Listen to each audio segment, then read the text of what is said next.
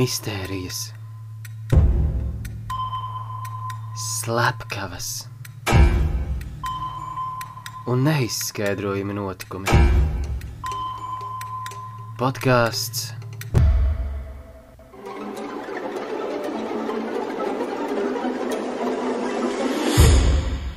Radars. Esiet sveicināti podkāstā Radars. Ar jums šodien kopā ir Opčiks. Un, Montu. un kā jau parasti mums šodien ir arī uh, viesis. Čau! Čau.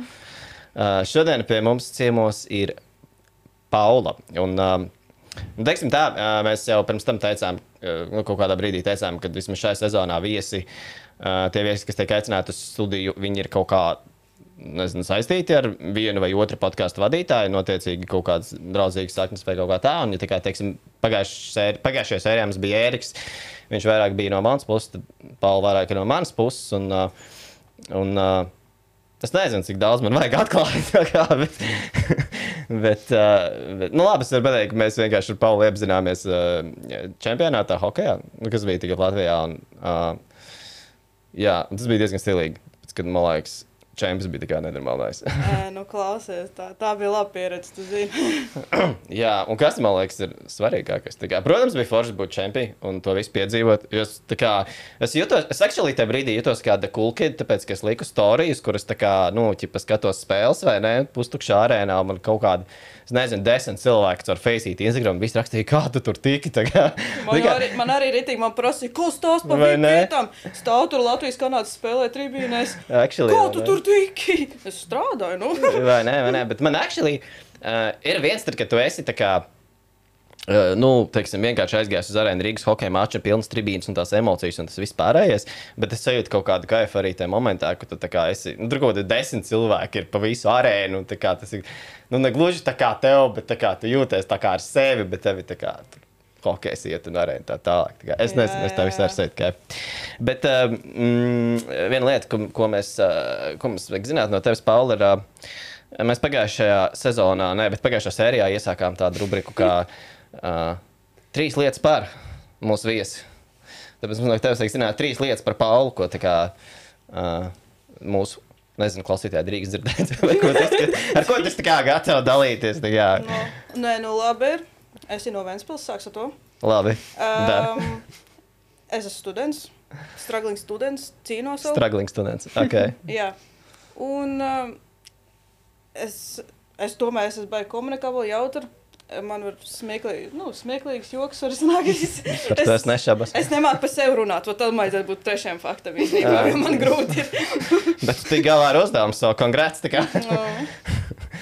Tā kā, jā, labi. Okay. Uh, šodien mēs, mēs runājam par sazvērstības teorijām. Šodien mūsu mērķis ir parunāt par to, vai, uh, cik, cik īsti ir jaunā pasaules kārtība un illuminati un, un visas vis tādas lietas. Un, uh, pameklēsim arī, kur Latvijā varētu slēpties illuminati. Mm, nezinu, cilvēki. Origo tunelī. Mana versija bija Nacionālā biblioteka. I mean, come on, tā ir trīsstūraveida ēka. Tā kā Illuminati trīsstūraveida logo. Tā kā, come on, cilvēki, atveriet, tas ir, tas ir tik obvious, ka tā ir Illuminati ēka. Tā kā kāds ir iztaigājis visas tās istabas, kas tur ir, nu, telpas tajā bibliotekā. Paģibom nav, paģibom tur ir kaut kāda telpa, kur tur ķirzi, kas diskutē par to, kas notiks tālāk. Bet, ja mēs nopietni runājam par šo visu, tad uh, Par šo var nopietni. tad, ā, tad, tad, ā, tad mēs mēģināsim padiskutēt par to, cik šis ir nopietns, cik šis okay, nav Okay, there we Un, uh, uh, I don't know, man liekas, ah, vēl es atcerējos. Vot, Uh, mums ir vēl viena jauna rubrika šajā sezonā. Šī rubrika ir Ēriks precizē, bet tā kā Ēriks šodien nav. Nē, nevis tāpēc, ka viņš šodien nav, bet tāpēc, ka viņš bija pagājušajā reizē, un tā kā, nu, pagājušā sērija bija par viņu, un viņš jau mūsu sērijas laikā diezgan daudz precizēja, tad nu, mēs uzskatām, ka viņa precizitāte par iepriekšējo sēriju nav īsti vajadzīga, jo, nu, nu, nu viņš, nu, viņš vienīgi sev var precizēt, es domāju, bet nu, tas ir viss. Bet, uh, tāpēc mums šodien šī rubrika atkrīt, bet uh, Varbūt, varbūt nākošais redzēsim, bet nu, mēs arī nevaram garantēt. Tas ir diezgan atkarīgs no apstākļiem un, un paša Erika. Bet, uh, mēs, protams, cerēsim uz to, ka uh, šī rubrika kādreiz uh, pie mums arī parādīsies. Uh, Monte, vai man ir vēl kaut kas, kas man ir jāpasaka, vai mēs varam iet tālāk? Mēs droši varam iet. Mēs varam iet tālāk no intro pāri. Varbūt vēl gribi kaut ko piebilst šeit intro daļā.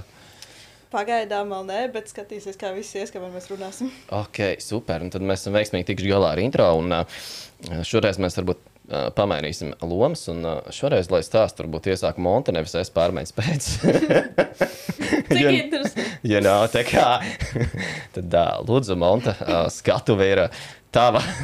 ļoti milzīgs. Uh, bet, jā, um, tā tad, kā jau Robs iepriekš minēja, mēs šodien runāsim par uh, sazvērstības teorijām.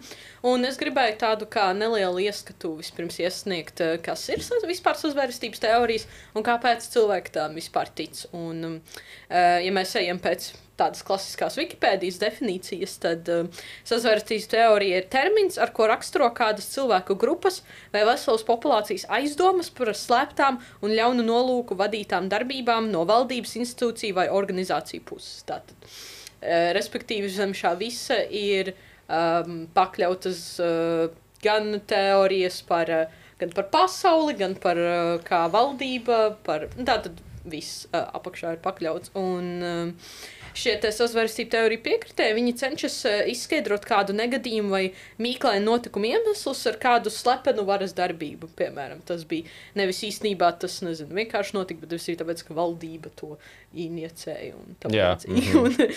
Un- un nu, jā. piemēram, Covid vai gais. Tā kā tu Uh, par to ā, arī nu, misējas jā, valdība. tas ir. Tas, tas ir whole other bag.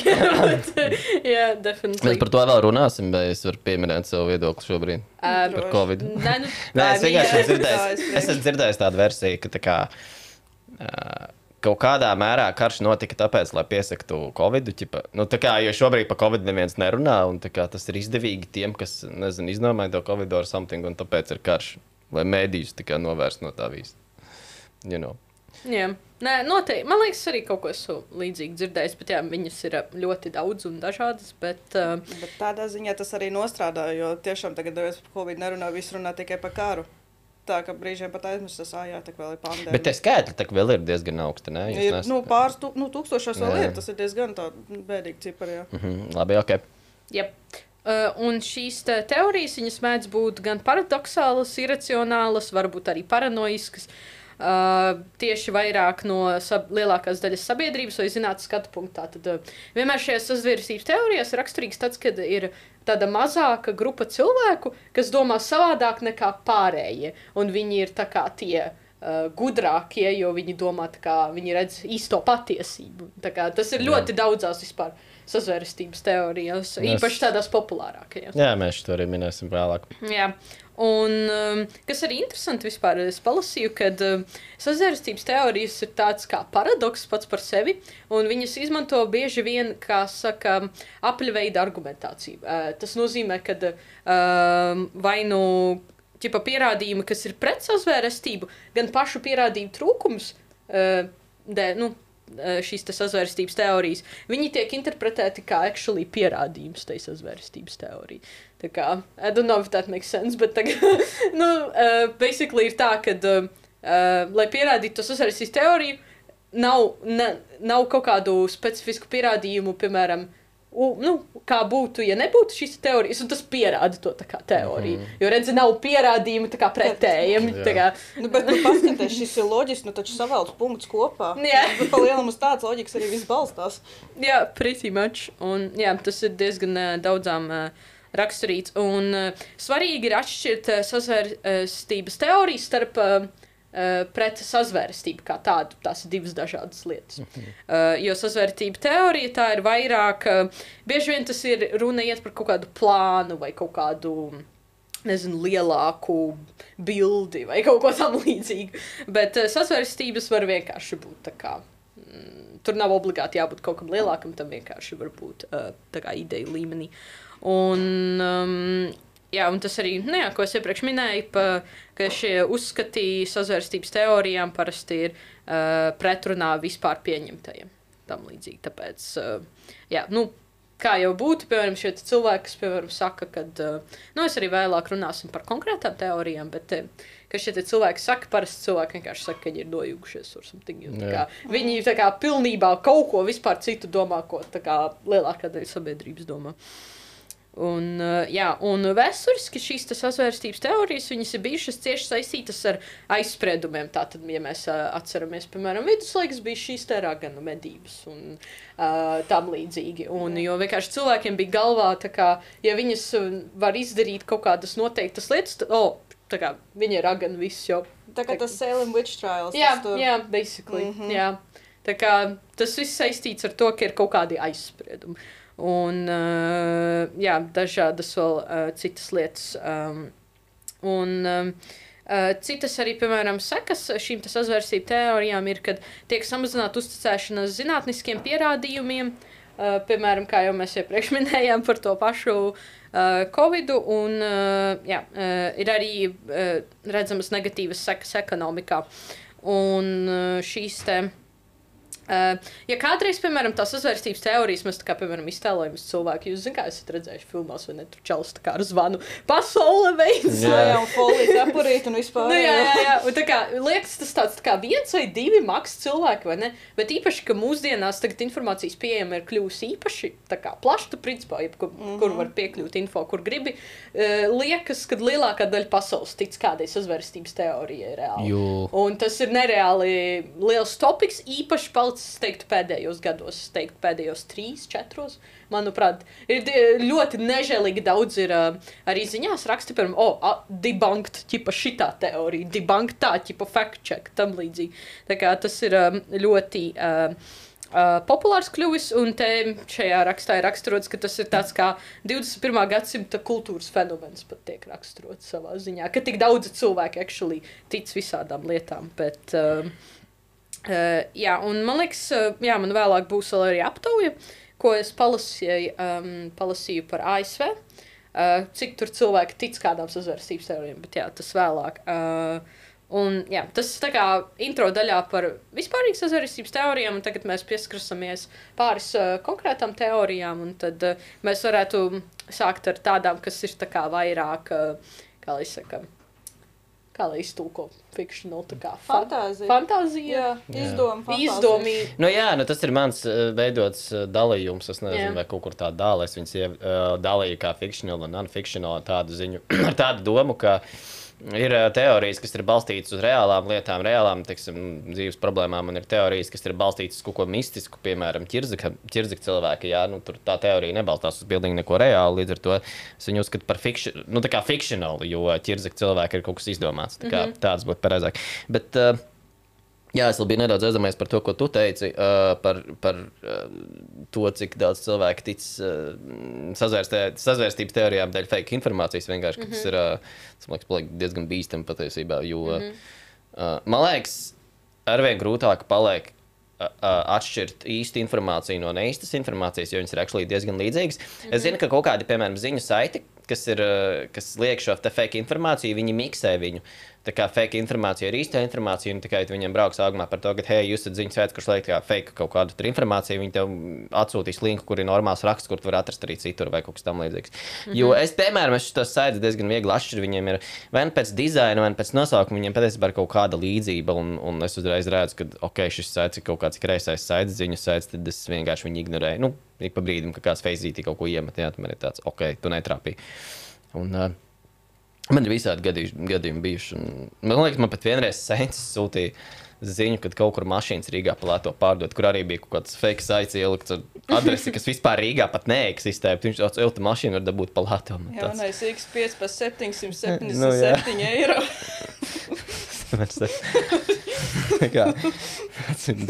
Es atceros, es vēl postu Facebookā taisīju par to lapu, skaidrojot, četras iemeslus, ka pēc tā ir fake lapa. Ja ģipā, tu izmanto inbox kā savu galveno e-pastu, tad tu arī tāds daudz brīnums var sadabūt. Oi. True, true. Man ir, es zinu, ka man, es nezinu, kāpēc, bet man liekas, man noslēdz manu pirmo epistu, kas man vispār bija. Tu, tā kā, kurš bija Zimbabwe. Bet tas bija mans pirmais epists, ever, kurš bija Zimbabwe bāzes veidots. Vienkārši zinu, ka viņā vairs netiek iekšā, bet viņš bija tik piedarzots ar visu kaut ko. man Tā kā bija balta līdz vispār iekšā. Tā kā, tur, bet ne, ir tā, ka parādās. Natālija gaidīs 5 km attālumā. Kas? Ies iekšā tev Natālija 5 km Ā, attālumā. jā, es zinu. ka Dievs, cik daudz tie sviesti ir. Es nevaru. Nu, tā kā tu nesaproti, no kurienes tev viņi rodas. tā Kā, tā kā, Ne, viņi paši atnāktu, ko. nu, bet kā viņi dabūna? Man Ir kaut kāda e-pasta databāze, ar samīgi viņi dabūna man e-pastu. tā kā. Es nezinu. Dezak, tas ir viss, kas jāzina. Bet labi, uh, turpinot par tēmu. Uh, mana tā tad, es gribēju sākt ar pašu bāzi. Nu, mēs runājam par sāzvērstības teorijām kā tādām un fikcionāli un tā tālāk. Tā, projām. Tad tā pati bāze, man liekas, ir tikai mēs minam vārdu. Vispār, uh, runājot par sazvērstību teorijām, kas bija pirmā sazvērstības teorija, ko jūs, nezinu, varbūt jūs atceraties, kur jūs, nezinu, uz, uz, uzkārāties viņai virsū atradāt, whatever. Jums ir tāda atmiņa, vai nav? Es nezinu, pirmo, bet es zinu vairākas, kuras ir populāras. Tas ir, protams, viena, ko tu tagad stāstīsi. Nu, man liekas, jā, tāpēc, ka tas ir tā kā the base, tā kā, man liekas, mēs runājam par Tā ir, konspirācijas man liekas, teoriju. arī viena no senākajām. Viņa tāda pirmais kā mīmīms kļuva arī. Jā, arī tāpēc. jā. Nu, labi, tas, par ko mēs runājam, ir The New World Order, tā kā jaunā pasaules kārtība. Es viņu lieku kā slēdz Illuminati, kā slēdz, es teiktu, arī ķirzak cilvēki, jo basically viņi visi runā par vienu un to pašu. Uh, konkrēti uh, šis te, šī te rinkopā pirmā daļa ir ņemta no BuzzFeed. Protams, kas gan cits, bet man te ir no vairākiem avotiem savākt informāciju. Bet, nu, anyway, uh, runājot par Illuminati, actually Illuminati eksistēja. Viņi bija īsti. Vienkārši viņi radās 1778. gadā Bavārijā, Vācijā. To radīja Adams Weishaupts, vācu profesors, kurš iespaidojās no franču uzskatiem par pasauli, attiecīgi par sekulārismu un racionālo domāšanu. Uh, sekulārisms ir uzskats, ka valdībai un citām institūcijām, kas, uh, mm, kas pastāv atsevišķi no reliģijas un savos lēmumos, nedrīkst ietekmēties reliģisku iemeslu dēļ. Nu, atšķirīgi, nu, tie, kas pieņem lēmumus, viņi nevar pieņemt lēmumus balstoties uz reliģiju. Tā kā Viņiem nav nekas īsti par dievu, tas nav tikai antisemītisms, bet viņi vienkārši tāds. Varbūt no turienes radās tas, Antisemītisms uh, nav saistībā ar Dievu. Tas, par Ā, jā. teoriju. Antisemītisms. tas ir ar ebrejiem saistīts. Jēdziens. Jā, tāpēc. Sajauts jēdziens, bet actually šeit ir domāts, ka. Uh, Īstenībā, ko es gribēju arī par šo reliģiju piebilst, es zinu, ka īpaši arī Latvijas konstitūcijā rakstīts, ka valsts ir atdalīta no baznīcas. Varbūt tur tas viss arī sākās. Nu, jā. Labi, nesāksim nu, bet tas ir apmēram jā, tas pats. tā kā Es piekrītu, ka nevajag balstīties visā uz reliģiju, lai pieņemtu uh, lēmumus, nu, tur ķip augšā. Bet, anyway, tā tad uh, šis tādams Vēskāps gribēja pievienoties citai, citam diezgan slavenam grupējumam Freemasons, par kuru gan mēs šodien nerunāsim, bet nu, viņš ietilpst, tas saprot, ar šeit pat, uh, kuriem jā, bija līdzīga ideoloģija, taču viņš nevarēja atļauties biedra naudas maksu. Tāpēc viņš izveidoja savu organizāciju. Kā, bet principā ar tādu pašu mērķi uh, un ar nosaukumu The Order of, of Illuminati. Un uh, tāda šīs grupas mērķi bija kā pašmācība, jeb no self-knowledge, uh, pašizaugsme, self-improvement, sociālā reforma un brīvā domāšana. Tas bija pirmā Illuminati mērķis. Uh, tika uzskatīts, ka Illuminati ir draudz baznīcai. Un tāpēc, nu, tieši šis ir pirmais grupējums. Tāpēc ap 1708. gadu, 80. gadu Illuminati tika apturēts. Nu, saprotu, šīs pašas baznīcas mm, arī apturēja. Uh, tomēr gan šādi grupējumi, gan cilvēki uh, it kā gribēja to turpināt, bet kuri to gribēja turpināt, viņus uh, faktiski viņi tika arestēti. Un līdz ar to tas Ādams Vaiskaps pārcēlās uz Franciju, kur šis grupējums arī. Nu, It kā izzuda, bet cilvēki uzskata, ka viņi patiesībā neizzuda, bet nu, slapas ir turpinājuši pastāvēt. Uh, tad, piemēram, 1000 1920. gadā, nu, jau 20. gados, piemēram, fašisti uzskatīja, ka Illuminati ir ebreji. Ja? Vai uh, pēc otrā pasaules kara, man liekas, 40. gados. Uh, Komunisti uzskatīja, ka Illuminati ir antikomunisti, kas gribēja valdīt pār pasauli. Savukārt, mūsdienās tiek uzskatīts, ka Illuminati ir daļa no pieminētā New World Order, jeb nu, tā kā jaunās pasaules kārtības. Bet, nu, respektīvi, tā kā vēsturiski skatoties, vēsturiski skatoties, nu, es to saprotu. Illuminati ir tie, kas tā kā ir uh, pret kaut kādu valdošanu. Nu, kā senāk, tā kā. Nu, ja- vienkārši pret galveno valsts ietkārtu tajā Jā, vat, jā, jā, bet ja tu esi pret to, tad jā, Tā tā, Illuminati. ev, tas automātiski Illuminati sanāk. Kas? Vai tev tā kā jāiestājas tajā līdz būt Ā, Illuminati? nu, Kā var tikt Illuminati? Kā var tikt Illuminati? Ir actually Illuminati mājaslapa, kur tā kā tu vari uh, nu, uzrakstīt, ka tu gribi. Jā, Pagaid, nopietni! jā. Legit? What the fuck? Ev, es Iegādājies abonementu. Ā, Robita aizpildīja, tāpēc ziniet. Nē, tas bija arī tajā Basfīdā un savā video. Tas čalis, starp citu, kurš Basfīdā taisīja to projektu, man liekas, viņš gribēja aizpildīt, bet viņam atnāca atpakaļ ēpats, ka šobrīd biedri netiek pieņemti. Pilns. bet, tā kā, bet, tā kā, bet, jā, viņiem ir kaut kāds nu, pašiem savs PR speciālists, tā Illuminati, kurš arī nu, kontrolē kaut ko, nu, runā ar tiem cilvēkiem. Savs administrators. Jā, es tikai runāju ar tiem cilvēkiem. Viņš teica, kā, jā, Illuminati eksistē, bet kā, tas, par ko mums runā, tas diezgan Jā, tālu no patiesības. bet, uh, bet, uh, bet, jā, nu, basically, jā, tie, kas ir pret pastāvošo varu, nu, nu, nu, nu, varbūt īsti neesi tajā grupējumā iekšā, bet tu, es teiktu, ka tu esi iluminatī savā ziņā, ja tev ir viņa domāšana. Nu, kā tu vari kind of sev pieskaitīt, tu neesi oficiāli, bet tu, tu esi tā kā viņš apmēram. Līdz brīdim, kad tu to noliedz, man liekas, ir tā teorija, tā kā, ka cilvēki, kuriem ir iluminati, viņi noliedz, ka viņi ir iluminati ar domu, ka tas neeksistē. Tas tā kā līdzīgi mm -hmm. ar šiem te hipsteriem. Tu par hipsteri beidz kļūt, tad, kad tu pasaki, ka tu esi hipsters. Um, I mean, nu, tu salīdzināji hipsterus ar iluminatīvu, bet, no, bet domu saprati. Tas man, man ir asociācija. Man tā kā draugs kādreiz teica, ka es esmu hipsters, un es to noliedzu. Viņi tad, jā, pēc zeklī, tā kā tas ir jau vien pasaka, tas Hitler. hipsters. Where did that come from? hipsters. Ak, Dievs, kas tikai žēlojies uz Hitlers. Jā, teicu, ka es esmu Hitlers. Concern. Divi draugi man ir. Labi, atgriezīsimies pie tēmas. tā tad, jā. Mēs paliekam pie tā, kas ir jaunā pasaules kārtība. Ir četri tā kā, šie te uzskatījumu, četras versijas. Uh, piemēram, Marks. Es nemāku izrunāt viņu uzvārdu. Marks uh, Korngs uzskata, ka uh, NWO sastāv no nu, šīs pasaules kārtības sastāv no ASV valdes, apvienoto nāciju valdes un citām valdošām organizācijām, kas kopīgi vēlas valdīt pār pasauli un atņemt ASV pilsoņiem viņu intereses un ieslodzīt viņus nometnēs. Tas ir tīri par ASV. ASV. Jā, Deivids Ika tic ķirzaka cilvēku teorijai, tam mēs pieskarsimies mazliet vēlāk, bet viņš ir tas, kurš nu, aizsāka visu šo ideju par ķirzaka cilvēkiem, un no viņa, man liekas, radās arī tā sazvērstības teorija. Viņš viņu arī faktiski veido, man liekas. Uh, pats Robertsons, uh, numur 3, tātad pats Robertsons. Kurš ir kristietis, uzskata, ka Illuminati ir sātinisti, jo tie ir pret dievu. Viņš uzskata, ka Illuminati ir vainīgi pie Franču revolūcijas, komunistiskās partijas manifesta un federālās rezervju sistēmas, kas ir tāda ASV banku sistēma, kas mm, tā kā valdošā banku sistēma laikam sanāk. Uh, un tāpat viņš uzskata, ka uh, šī pasaules jaunā kārtība kalpo zem Lucifera. Tāpēc tur viss ir slikti. Uh, savukārt, uh, Donalds Maršals, numur 4, uzskata, ka Illuminati nogalina slavenības un izveido viņu klonus. Nu, piemēram. Un, uh, par, bet tas ir diezgan līdzīgi ķirzakam. Jo basically ķirzak cilvēki arī ir visas slavenības. kā Tas ir basically the same. Uh, runājot par ķirzak cilvēkiem, šeit ir raksts jau no Voksa. es nezinu, tas tāds labs, ko Voks.com. Uh, viņi raksta, bet to es. Vox? Kas? Tā ļoti slavena žurnālistika. Uh, jā, es, ne- es tiešām nezinu, godīgi. Bet, uh, diezgan Amerikā ļoti populāra. Jā, bet, nu, jā, bet šito daudz kur raksta. Nu, kā jau visu ķirzaks. Nu, jā, labi. Uh, nu, tad raksta šādi. Ķirzaks ir augstasinīgi humanoīdi reptiļi, kuriem ir spēja mainīt savu formu uz cilvēku formu un kas vēlas dominēt pār pasauli. Saskaņā ar tātad iepriekš pieminētā Davida Ikses, uh, viena no ievērojamākajiem, ievērojamākajiem teorētiķiem šajā te visā teorijā. Šīm radībām, šīs radības pasaulē ir kopš seniem laikiem, un tādi pasaules līderi kā karaliene Elizabete, Džordža Bušs, Klintona un Bobs Hopes visi ir ķirzaku cilvēki. Um, nereti, šis ir izrāvis no sevis. Nereti par ģirzaku cilvēkiem tiek uzskatīts arī daudz slavenības. Tur, piemēram, bija nu, arī par kloniem. Uh, piemēram, nu, visvairāk Beyoncé un Jay-Z. Uh, es zinu, ka ir Eminems, Kaņa Vests, uh, Baraks Obama, Keitija Perī, Madonna, Bills Klintons. Uh, un kopumā 12 miljoni amerikāņu uzskata, ka šādas radības tiešām arī eksistē. Tā rakstā atkal Voks. Uh, runājot konkrēti par uh, Beyoncé un Eminemu un Bierību, man liekas, Al, Horfords sauc to čauli, kaut kāds laikziņu diktors.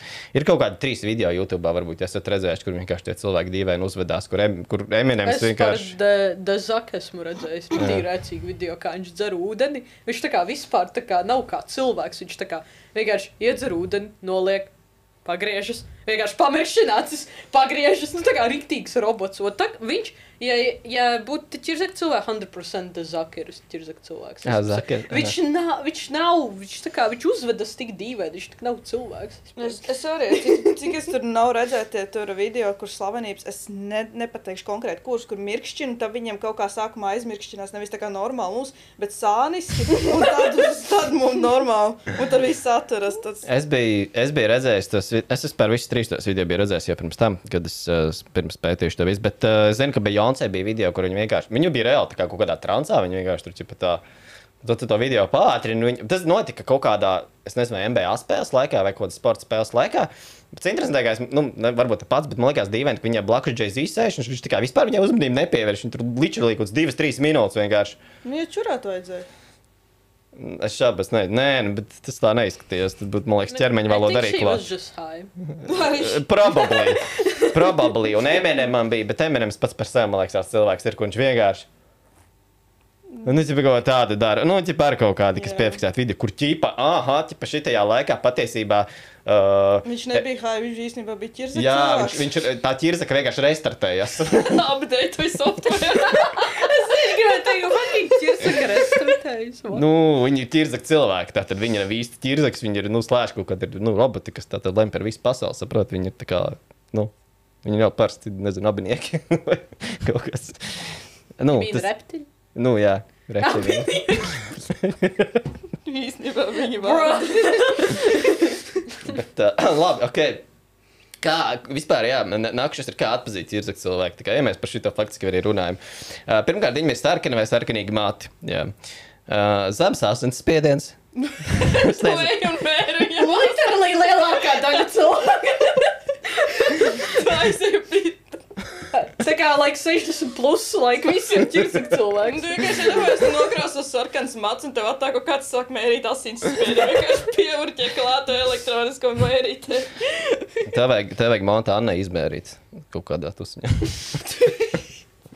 Varbūt Wow. viņa ir. Viņa, viņa ir, zin kā, viņa visu laiku laivo pa, pa upēm. Viņa ir visu laiku laivo biznesā iekšā ūdens. Viņa, tā kā, viņa ir fanāts par ūdeni. Tā kā baigi aizdomīgi, ne? Na?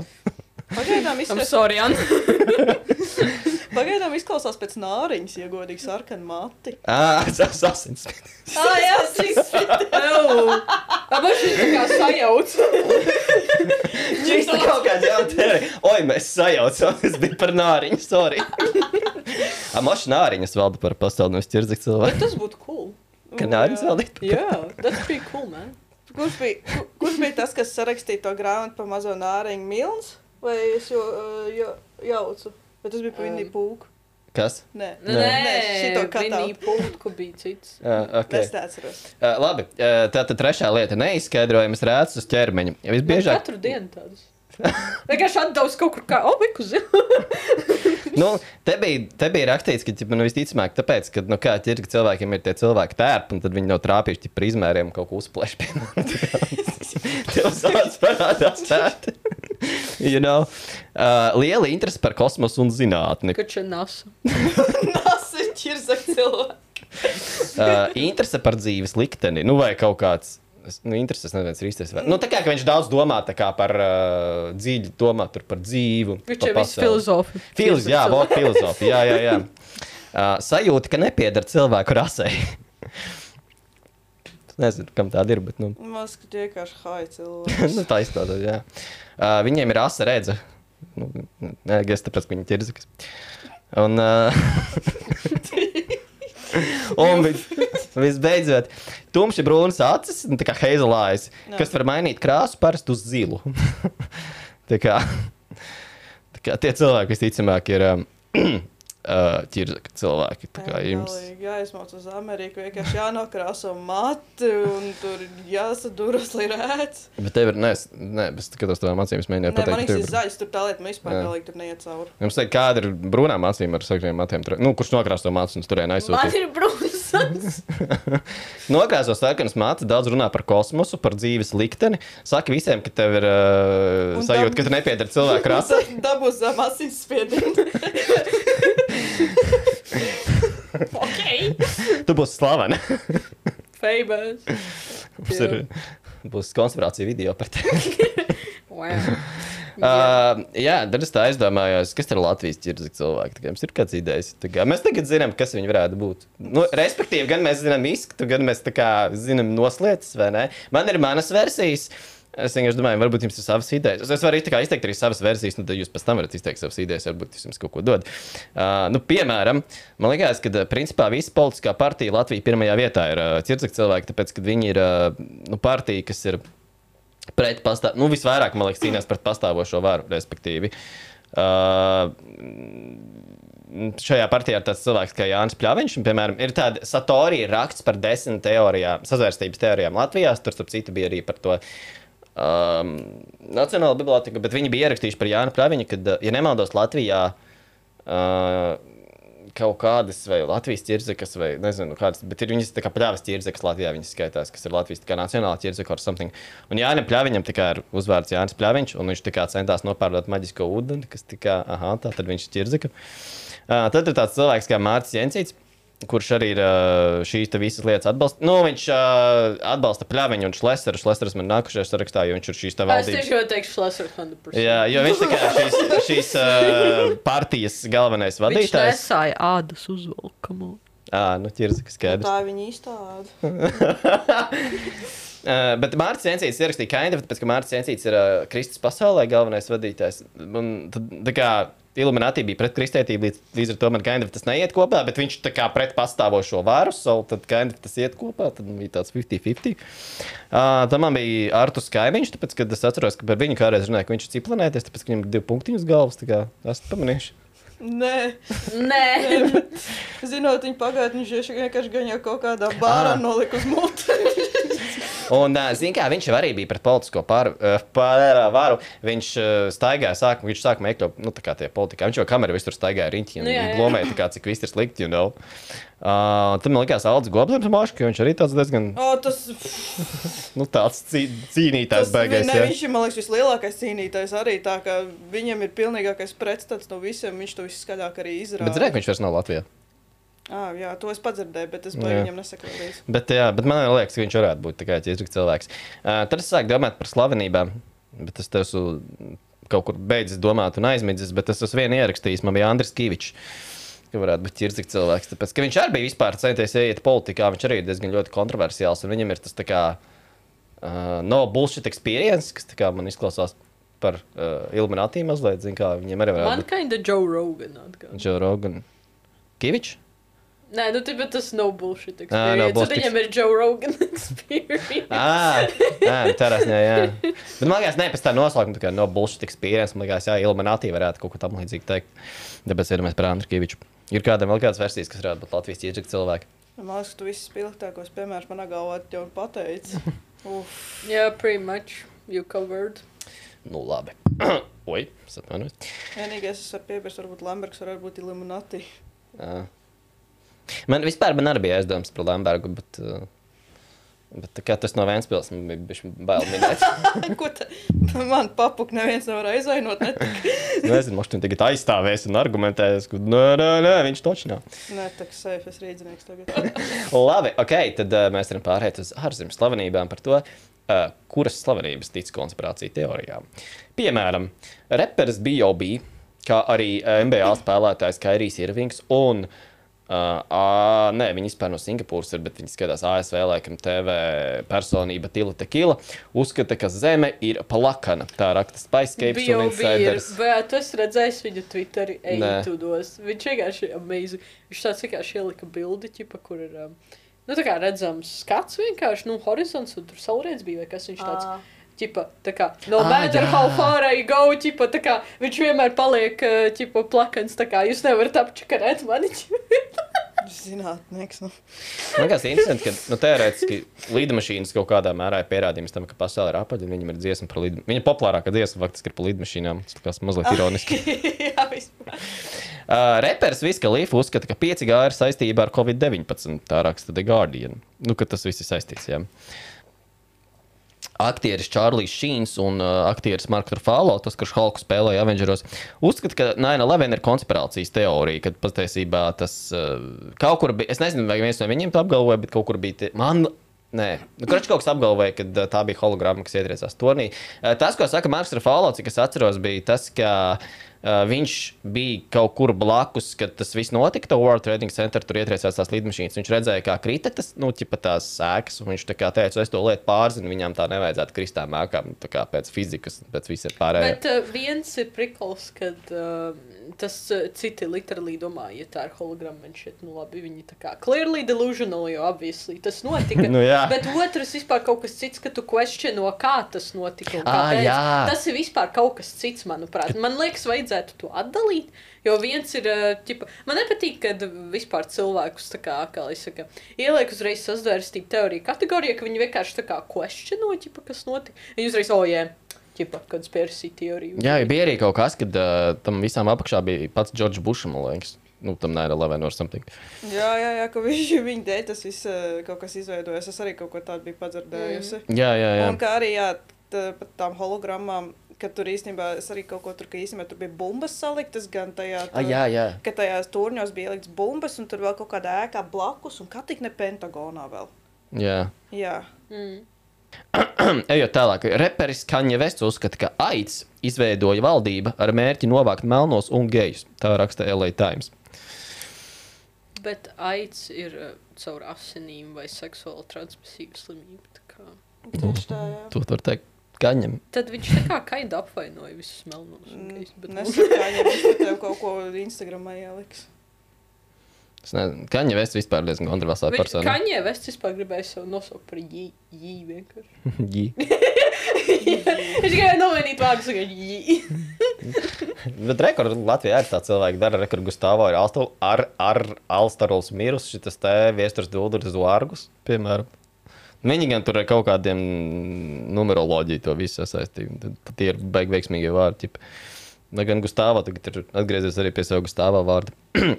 anyway, Kailija Džeinera tic, ka lidmašīnu gaisa pēdas ir Ak, ķimikālijas. Dievs, šitie chemtrails. ak, Bļā, tas ir tik retardēti, es nevaru.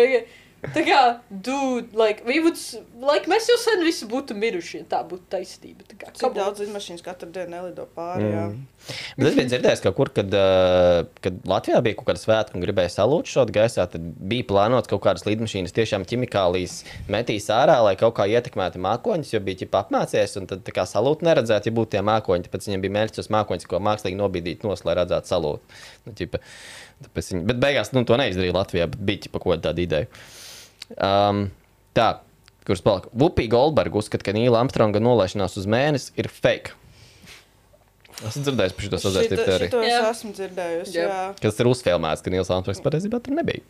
Jā, ka tur kaut kas, es tur eh, skatījos, ka redzēju kaut kāds kadrs, ka īstenībā samisējās, ka tur um, laikam redzēja kaut kādas tur propus apkārt, ka, kad fotografēja to bildi, ka no studijas kaut kas ausīs. Es esmu dzirdējis, ka viena lieta, uz ko viņi iet, ir tas, ka uh, tur plīvo karoks, man liekas, tajā video. Ah, ir jā, jā, bet kā tur, tur nav vējš, taču ir jā, jā. viņš tur nevar plīvot, tā kā līdz ar to tas ir fakes.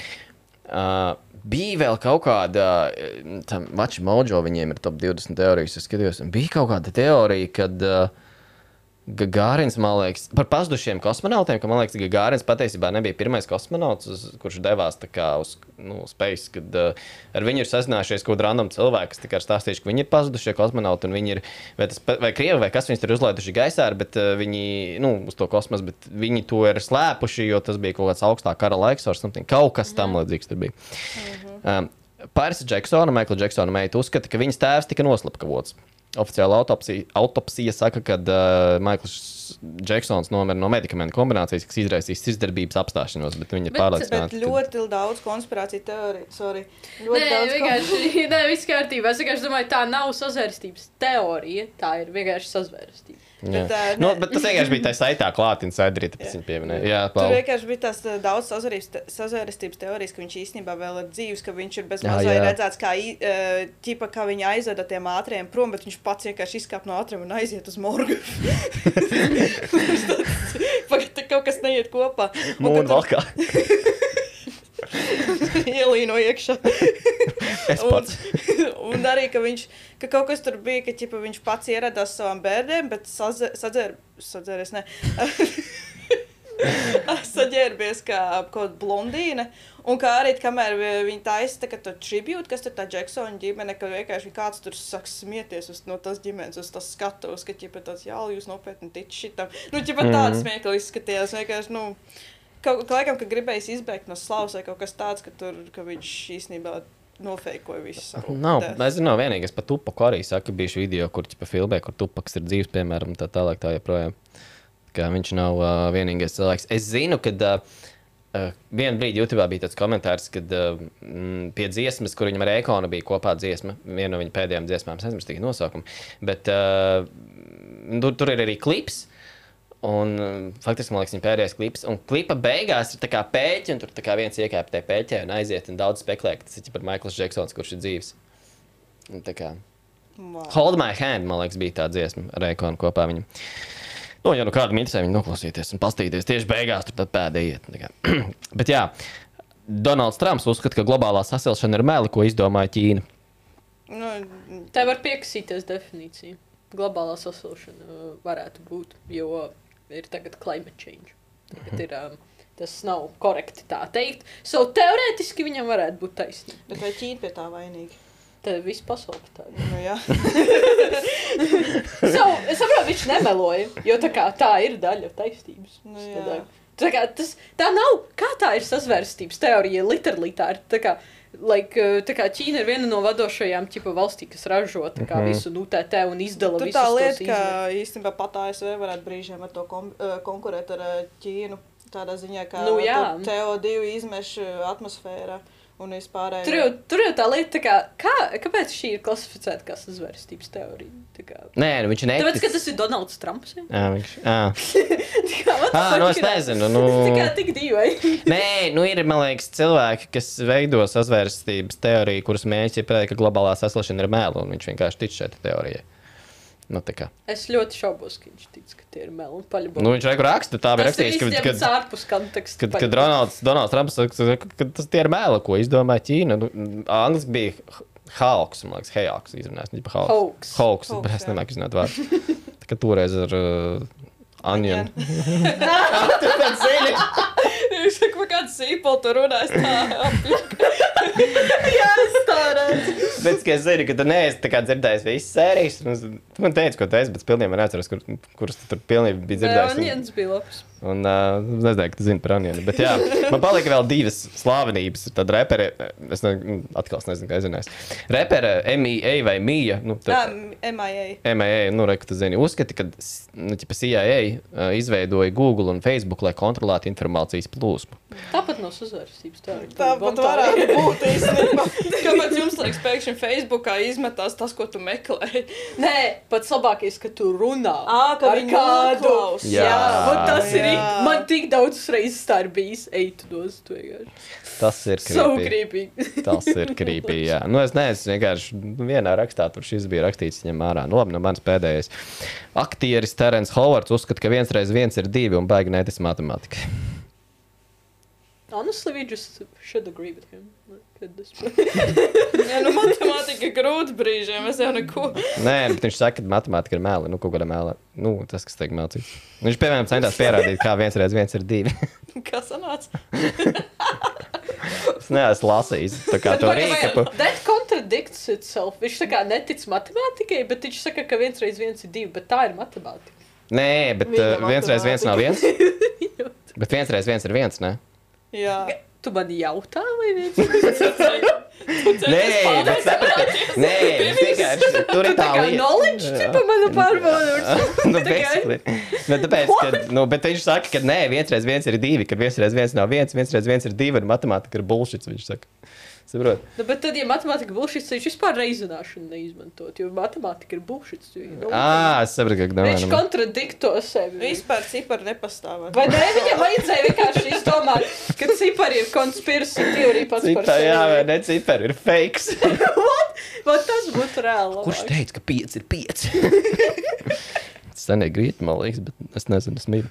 Jā, nu, es nezinu, tas tā plēlam no manis. Kaut kur es vēl gan jau kaut ko ieminēšu. Jā, nē, man ir Mārcis Jordans padomā, bet tas ļaušu kādam citam beidzot runāt. Jā.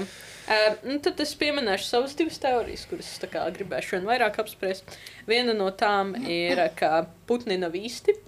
Tā ir rīktīgi labā, man patīk. Uh, un otra ir viena no tādām ļoti, ļoti klasiskajām teorijām, kur jūs gan jau esat arī dzirdējuši, ka Zeme ir plakana. Tā kā, arī To mēs jau pieminējām, jā, pieminējām. par bioloģiju. un- Bet, jā. jā. jā, runājot par putnu nav īsti, man vienkārši tik ļoti cepītā teorija, tāpēc, ka, kā es saku, viņa ir ģeniāla, jo viņa ir tā kā izveidota kā sazvērstības teorija, vai ne? Bet tajā pašā laikā tā ir parodija par sazvērstības teorijām. Tā kā rīktīgi tur tāds, tā kā mi- mind blown vienkārši, bet, uh, jā, kā, kā vispār radās šī kustība?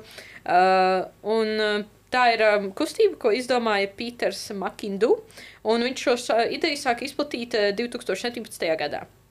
Un uh, līdz uh, pagājušā gada decembra intervijai laikrakstā New York Times uh, Makindu bija patiesi ticīgs, uzstājot intervijās, uh, uzstājot intervijās plašsaziņas līdzekļos. Un uh, arī tiešais te, ka putni nav īsti, bet tie ir ASV vadības izgatavot novērošanas droni. Un um, putni nav īsti, ir tā kā, kā lai saka, tas viņš uztaisīja basically movement vienkārši. Uh, un, um, jā, un viņš arī, um, viņa mērķis, kāpēc viņš tā kā uztaisīja to kā teoriju, viņš vienkārši gribēja basically parādīt cilvēkiem, cik uh, tie, kas tic kaut kādām rītīgi, crazy teorijas, cik, cik viņi stulbi izklausās. Un Beigās basically- iz- izveidoja veselu jaunu teoriju. Jā, un viņš kā ķipa uztaisīja tāpēc to momentu, lai viņš vienkārši parodētu viņus. Viņš vienkārši piedūrās. Basically, un daudz to uztver nopietni. tā kā.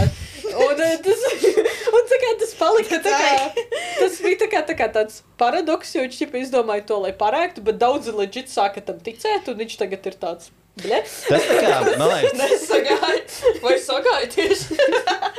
bet tas ir tā kā, man liekas, par, kaut kas bija arī piedūries un teica, vai reidojam šo ārējā 51. Tā kā Bet viņi nevar. cilvēki reāli arī Nu, savu. jā, nu, bet tur bija reāli, jā, Vesels pasākums. Bija. uztaisīja par prikolu to Facebook postu un beigās 20 tūkstoši cilvēku pieteicās vai cik tur. Jā, jā, jā. Mums no visām valstīm, ķipon, jā, mēs aizbrauksim tur. Jā, un jā, kā, kā jau minēju, tā kā lai saka. Uh, un viņš tā kā rīktīgi iegāja dziļi tajā. Viņš pat izdomāja fake history viņai. Viņš, tā kā, viņš izgatavoja dokumentus fake, lai tā kā pamatotu to teoriju. Nu, viņš tā kā rīktīgi tur aizgāja dziļi. Un, uh, jā, un tad uh, par to teoriju sāka tā kā vietējais laikraksts tā kā reportot, ka tā kā cilvēki, ak, Dievs, paskatieties, viņi reāli tic, ka Putins nav īsti, nu kā pilnīgi idioti, vai ne? Es zinu, tā kā tie laikraksti saka, ka viņi ir idioti, bet patiesībā viņi ir idioti, jo viņi nesaprot, ka tas ir prikols vienkārši. Un, uh, jā, un uh, viņi tā kā, kāpēc es par to darīju visu, ka viņi gribēja to, kā lai saka, nu jā, kā uh, es minēju, parādīt, kā tik īstenībā easy ir uztaisīt tā kā fake informāciju vienkārši. Un tā kā, ka tu vari principā vienkārši no gaisa uzburt kaut kādu teoriju un vienkārši pats izdomāt savu historiju. Un vienkārši tu pietiekami reizes atkārtot cilvēku tādu sāk ticēt vienkārši tam. Un, um, Jā, un uh, tas ir. Uh, ķipa, viņš arī tāds pasaka, nu jā, pēdējos kaut kādus četrus gadus mēs apzināti izplatījām dezinformāciju. Vienkārši. Nu, viņš tā kā reāli pateica arī. Un, uh, un viņš tā kā, basically, uh, viņa mērķis bija tāds, kā parādīt spoguli, ķipa Amerikai, kā redzēt, kā jūs izskatāties un tā. Bet man arī patīk, jo kā, tur ir visādi kā Facebook grupas, kur viņi leģit, tā kā, ķipa izliekas, ka putni nav īsti, tur vienkārši tik rēcīgi, es vienkārši esmu redzējis pāris postus. Pateikšu, šis ir. Nē, es, jau arī Jā, esmu redzi. dzirdēju, es arī dzirdēju, ka viens no galvenajiem iemesliem, kāpēc šito saka tāds, ka jūs esat redzējis balodu kā mazulu vai kādu mazu tas, Ah, šis bija es Satorija arī, jā, ka, ķipa, baloši Ka- bērni ir. Jā, kad jūs tādā esat redzējis nekad. Tad- Bet ne, es, es zinu, ka es neesmu, man liekas, bet, nu, bet, nu, bet es nekad neesmu aizdomājies. Es vienkārši. Un tad cilvēkiem, jau, protams, tie, kas tādi viegli prātīgi, tāds - ē, čista. vai tu- Nu, nē. Jā, bet man vienkārši patīk, jo tā kā, mm. -hmm. kā es saku, mēs zinām, ka tā ir sazvērstī- sazvērstības teorija, bet tie pašā laikā ir leģit tā kā cilvēki, kuri beigās tam sāk ticēt vienkārši. Un tā kļuva no, ķipa, parodijas par sazvērstības teoriju par īstu sazvērstības teoriju. Tā kā, nu, rītīgi. Tikai tā kā tāds paradoks. Bet jā, man rītīgi patīk, viņi tur Facebookā var piesakot, man liekas, viņiem grupa. Bāc tur tādu postu vienkārši darīt.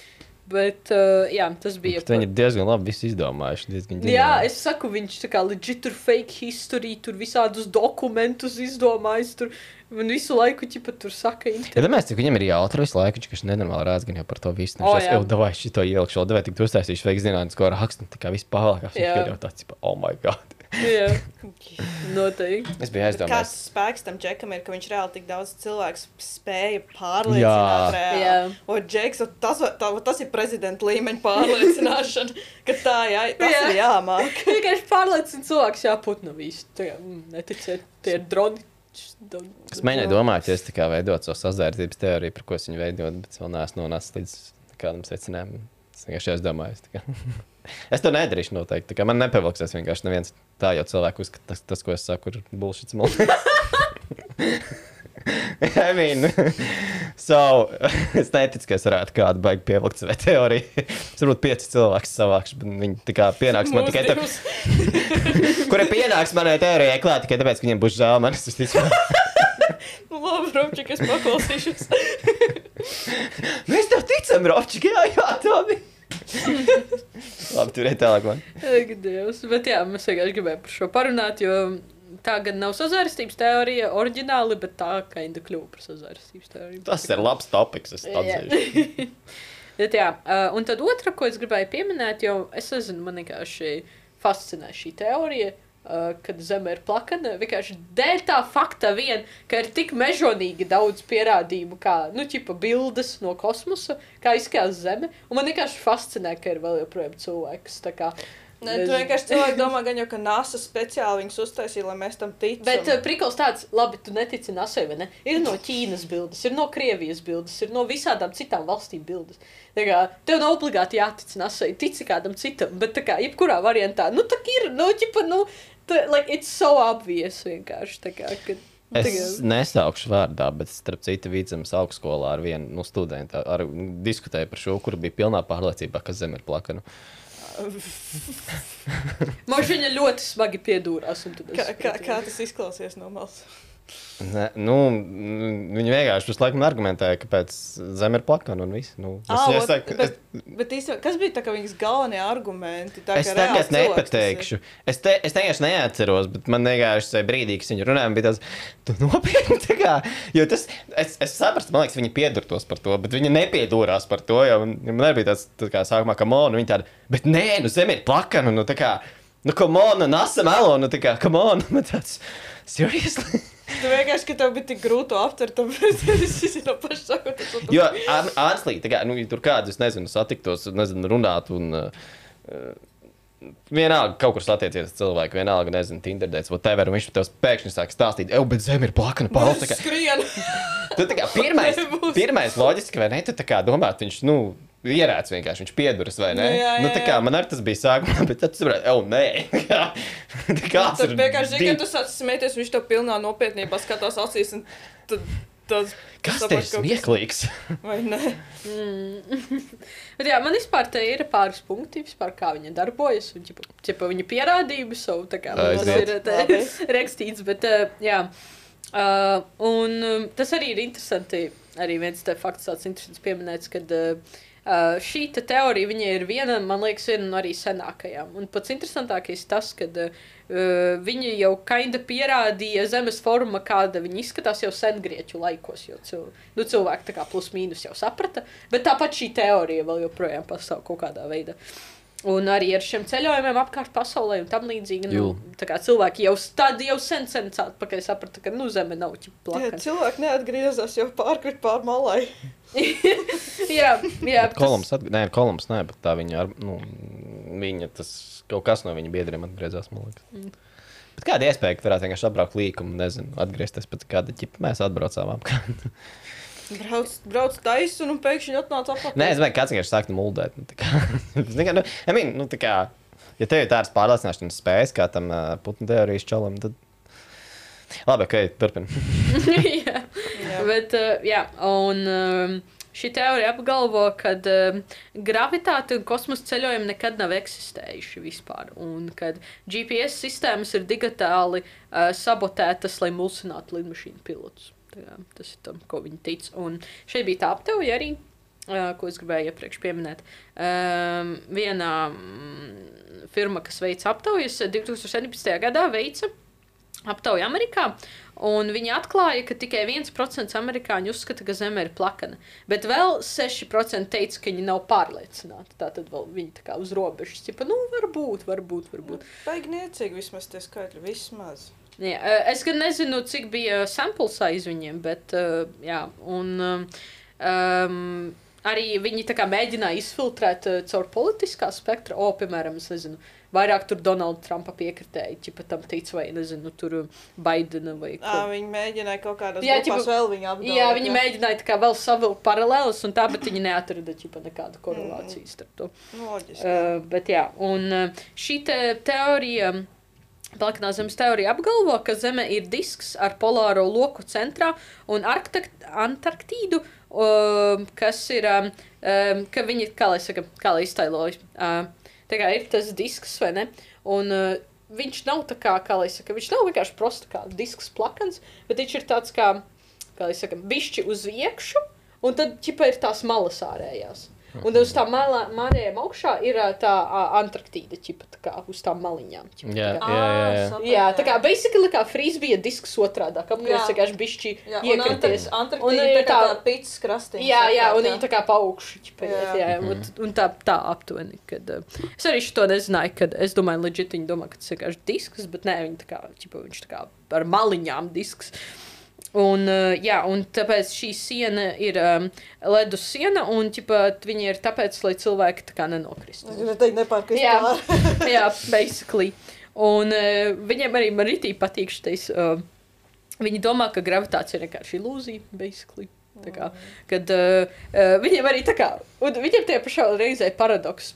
Jo viņi tā kā, viņi redz, ka uh, kā tie objekti, ķipa, viņi tā kā tomēr krīt uz leju, vai ne? Nu, ķipa, kaut, kaut kas must be happening, right? Un viņi tādi, jūs visi tā kā, jūs aitas, vai ne? Jūs visi domājat, ka tā kā uh, krīt, ķipa, pātrināt uz leju, cik tur 9,8 metri sekundē kvadrātā, kā tur bija tas? Tur bija tā formula. Jā, jā. Jā, jā, es aizmirsu to konkrēto, bet jā. Um, 9,8 metru sekundē kvadrātā. Vot kā bija à, tas gravitācijas ātrums. Nevis mēs visi domājam, ķipa, ka viņi krīt uz leju, vai ne? Bet viņi tā kā huge brain, viņi tādi jūs damēs, viņi krīt uz augšu. Tikpat. Un man bija tāds, what the fuck? Čipa, ka viņi tā kā uz augšu, ķipa, tā kā, Jā. kā lai saka, zeme viņus atsit, ķipa, atpakaļ, nevis viņi krīt uz leju. Makes so much sense. Bet viņi tā kā, man, nav komentāru. man patīk, ka viņi arī tā kā, zin kā, viņi tādi, ķipa, man patīk, ka viņi savā veidā mēģina iepīt gravitācijas likumus tajā visā tāpatās. Viņi tā kā mēģina izskaidrot to gravitāciju, bet viņi mēģina kaut kādā savā veidā to izskaidrot. Un man tas liekas rēcīgi, tas pilnībā iet pretrunā ar viņu teoriju, ka Zeme ir disks. Bet viņi tāpat mēģina kaut kā straglo, mēģina ķipa to gravitācijas teoriju kā. Jā, viņi iet paklūp un pēkšņi izdos caurumu grieztos. Vienkārši makes sense. Fake it till you make it. Jā, jā, un eh, šie. Un šos tipa objektus viņš uz uh, augšu virza noslēpumains spēks, ko sauc par tumšo enerģiju. Jā, nu, Bet protams. uh, priklis īstenībā tāds, ka, uh, man liekas, uh, kaut kur es nesen lasīju, īstenībā actually ir atklāts kaut kāda, ka actually eksistē kaut kāda tumšā matērija kosmosā. Un viņi da- aizņem lielāko daļu ķipa, kosmosa, ķipa, kaut kāds priklis lasīnās. So it's like, it's kind of scary, ka viņi tā kā ķipa, izmanto kaut ko tādu, kas ir nesen atklāts. un tad atspre- Bet, nu, jā. Uh, un, un, un, um, bet tā ir nav ķipa, enerģija, man liekas, tā ir vienkārši ķipa, no kā sastāv ķipa, kosmosa. or something. Mhm. Bet jā, not, un um, man, patīk, man tā fascinē šis teikums, ko es izlasīju. Vienkārši. Pašlaik um, plakanzemju vidū pastāv domstarpības par to, vai Einsteina relativitātes teorija ļauj Zemē neierobežot pātrināties augšu planētai galu galā, nepārspējot gaismas ātrumu. Acīm redzot, Einsteina likumi joprojām ir spēkā šajā alternatīvā realitātes versijā. Tas tā redz. Jo vienkārši ķipa, cilvēki vienkārši domā, ka pasaule ir fucking plakana. Un tad viņi vienkārši strīdas par to, vai Einsteina teorija aplājas. Čipa, tu like, čipa, tu tu man tāds. Gājis, vienkārši izdomājiet savēju, come on. Bet jā. Tas bija likās man rītīgi rēcīgi. Vienkārši kā viņi to visu pamana un tā. Un, eh, starp citu, ja jūs nezināt, viņiem pat ir konferences. Starp citu, viņi taisa mega konferences un viņi tā kā iet taču par runāties un tā kā stāsta savus pierādījumus un vispār runājot par. Um, Es neatceros, vai tas bija. Nē, man liekas, pie Moonlanding is fake. Man liekas, uh, šitais bija. Es prikulā vienkārši kaut kā iekritu YouTube uh, loopholā, un uh, es sāku skatīties vienkārši tipa pierādījumi, tā kā Moonlanding is fake. Un kurš ir legit čalis, like no, like no joke. Vienkārši video, viņš paņēma bildi no kosmosa, un viņš paņēma rīktīgi, vienkārši zūmoja, viņš tāds. Redziet, tā kā maliņa, viņa, kā, viņa nav gluda pietiekami, kā viņa ir tāda tā kā asa, un tas nozīmē, ka tas kā objekts ir ievietots tur, un kā viņš piezumo uz ķipa horizontu, un redziet, ķipa, viņš tā kā, redziet, ir tādas kā figūras, jo tā kā tie ir cipelnētiešu mājas, un, un, legit, un viņš tā kā ritīgi mierīgā balsī, ritīgi tāds, ķipa, casual, vienkārši tāds skaidu, vienkārši es plasīju komentārus, reāli miru no smiekliem, no cilvēkiem, vienkārši mīmo par viņu. Bet, jā, tā kā trītī redzīgi. Bet jā, tas, tas no manas puses viss. Tādā ziņā. Jā, nu, ko lai saka. Uh, trīs lietas, labas lietas, un uh, mums ir arī Paula sagatavojusi kaut ko no sazvērstības teorijām. Bet uh, pirms mēs ķeramies tam klāt, es gribēju uzjautāt. Mm, es ceru, ka šo jau nejautāju vienreiz. tu man labojies, jau to izdarīji. Bet, uh, nu kā, uh, viens iemesls, kāpēc Balts šodien nonāca, ir tas, ka bija mums doma runāt par sazvērstības teorijām, podkāstā vispār kā tādu. Un Tad Paula vienkārši ieminējās, ka uh, es nepat nejautāju. Viņa vienkārši teica, ah, jā, es skatīšos vēl sazvērstības teorijas, kā Endra patīk tā lieta. Tur es domāju, "A, kuras tev ir? Kuras tev patīk? Nu, tā kā, ja tu saki, ka tu skaties saz- sazvērstības teorijas, kuras tev mīļākās, piemēram. Honestly, man vienkārši patīk sabojāt bēdību un skatīties pa multiem. Tieši šīs, par kurām tu tā šodien gribēji runāt, tās ir tev favorīti. Jā, Jā, jā, jā. jā. ārpus, ārpus teiksim, mutnēm arī ir kaut kas vai. vai... Mm, tā, es kaut ko esmu skatījusies arī par to pašu, ko mēs tagad izrunājām. Tipo tāds, wow, interesanti, bet tajā pašā laikā tas tāds. Nu, kaut kā šis bija vairāk eye-catching, jo tā, tāds, tā bija viss tava bērnība, un tagad tava bērnība bija vienkārši nolikt realitātes priekšā. Okay. Tādēļ tas viss uh, saistīja. Jā. Lai gan tas mūtens, kurš var noteikt, kas bija mans bērnības mīļākās, arī questionable, kāds tas bērns bija. Bet, nu, uh, labi, es jau es ga- gaidīju, ka es varu sākt. Ja? Tu vari sākt droši, jā, mēs parunāsim Jā. par multinēm. Man jau arī šī tā, es paņēmu divas. Ja? Un uh, es arī sīgs biju, es uzaugu uz uh, Cartoon Network. Es zinu, ka bija Nickelodeon, Cartoon Network un Disney bērni. Jā. Es biju vairāk Cartoon Network. Bija tāds džetiks kādreiz, es atceros. O, Jetiks. O! Tas bija, tas bija Krievu vairāk, man liekas. Jā, jā, jā. Nu, labi, turpini. Nē, es vienkārši zinu, kas ir. Bet es uh, divas mīļākās man tieši arī sanāca uh, diezgan interesants gabals uh, dabūt ārā. Bet sāks ar uh, Courage the Cowardly Dog. Ja gļāvis un drosmīgs. Mazais rozā sunīts, baidās no visu un vēl vairāk. Mēs, es domāju, mēs visi to arī zinām. Jā, jā. Uh, pat pirmā, nu, es kopā atradu sešas versijas, kas varētu būt uh, par viņu. Ja? Un pirmā ir tas, ka viņi, viņš un viņa ģimene dzīvo pēc apakaliptiskā pasaulē. Labi. Mhm. Jā, uh, lieta tāda ir, ka viņi izdom, uh, izdomāja šo tā kā ir tie monstri un tie cipelnētaši, kas ik pa laikam parādās. Un tie ir vienkārši tie cilvēki vai būtnes, kas vienkārši izdzīvojuši ar šo apakalipsi. Un kas šie visi tie NLO un kas tur vēl tur nelido apkārt, tas, tas tie vienkārši kaut kādi. Kaut kāds šis uh, gaisa kuģis, kaut kāda sporta modeļa, vai kaut kāda īpaši avansēta, tikai pielāgota tam postapokaliptiskajam laikam. Un uh, lieta tāda, ka īstenībā Justus un Muriel, tie vecāki, Jā. viņi ir vienkārši jaunie tā pēcapakalipses laika Ādams un Ieva, tāpēc ka viņi ir vienīgie cilvēki, kur ir e, veiksmīgi paslēpušies militārajā bunkurā un izdzīvojuši to visi. Mhm. Un tā kā vienkārši pēkšņi augšām cēlušies pēc tā apakalipses, un tā apakalipse arī domāta tā kā kodola uzbrukums, kodola karš, Jā, kaut kas tāds, jā. kas viss iznīcina un šit un tā. Un uh, pats koreģis ir kaut kāds mutētais suns, pats, kura uzdevums ir pasargāt pēdējos divus reālos cilvēkus uz pasaules. Ok. Prātīgi. Pē- Pēdējos divus pasaules cilvēkus, tāpēc viņš ir ļoti tāds overprotective par visiem. Bet, uh, jā, labi. Jā, labi. Um, nākošais arī, ka Muriels un Justas īstenībā ir lelles, no kā nevar koreģi tikt vaļā. Tā kā galvenokārt arī šis sākās pēc pirmās sezonas fināla epizodē, kad uh, Justas un Muriel bija aizgājuši nu, kopā ar koreģu uz teātri, un tur bija maģišans, tā kā, nu, burvis fusilis saucās. Un viņš Ah, viņus pār- atceros mazliet. Jā, jā, un viņš viņus pārtaisīja par uh, kaut kādu lāstu. Viņam uzlika, viņas, pa- viņš viņus pārvērta par lēlēm. Bet uh, kurš kaut kā, pa, kurš, kurš kaut kā, pa, tā kā pārvarēja to tur lāstu un kaut kā pavērst to lāstu pret uh, fusili. Un, bet uh, neatnāca tā kā atgriezt to lāstu no Justas un Muriel. Un tāpēc visas pārējās epizodes viņš te īstenībā viņi abi ir bijuši lēles. Mhm. Vienkārši kaut kas tur, kaut kas tāds weird, bet anyways. Tur arī tālāk, kad īstenībā šis ir uh, nedaudz bēdīgāk. Un man, ir vēl, kaut- man būs vēl kaut kas par šo ko piebilst, kad īstenībā tā, tās epizodes ir par uh, vardarbību mājās. Mm -hmm.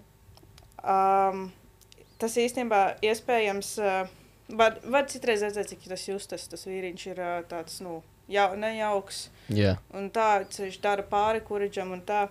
Un uh, īstenībā bija tā lieta, ka tie fani, kas izdomāja to teoriju, redzēja koridžu kā jaunu un ļoti tādu nemierīgu bērnu, kurš uh, visu laiku cenšas pasargāt savu māmu, šajā gadījumā Murielu no Justas, jo citreiz mēs zinām, kā viņš viņam patīk vienkārši bļaut, dusmoties, kaut ko ārdīties. Un, uh, nu, ka šis viss šaus īstenībā bija tā kā izveidots, lai komfortētu bērnus, kur tiešām no kaut kā tāda cieši. Bet uh, es īstenībā arī dzirdēju kaut kādu epizodi, kas īstenībā šis ir, nu, ne epizode, bet tā teorija, bet uh, kā šis, ir, ka tas uh, suns īstenībā ir uh, tas bērns, kas Justasam un Murielai nekad nebija. Mm. Mēs nekad Wow. nebijām dzirdējuši, ka viņiem ir kaut kāda bērna vai mazbērna. jā. Un tāpēc Muriela ir tik nenormāli pieķērusies Koreģam. Jo viņš ir tas bērns, kas viņai nekad nebija. Un Justas ir nereāli dusmīgs vienmēr uz Koreģu. Jo viņš nav tas bērns, ko viņš vienmēr ir gribējis. Mm -hmm.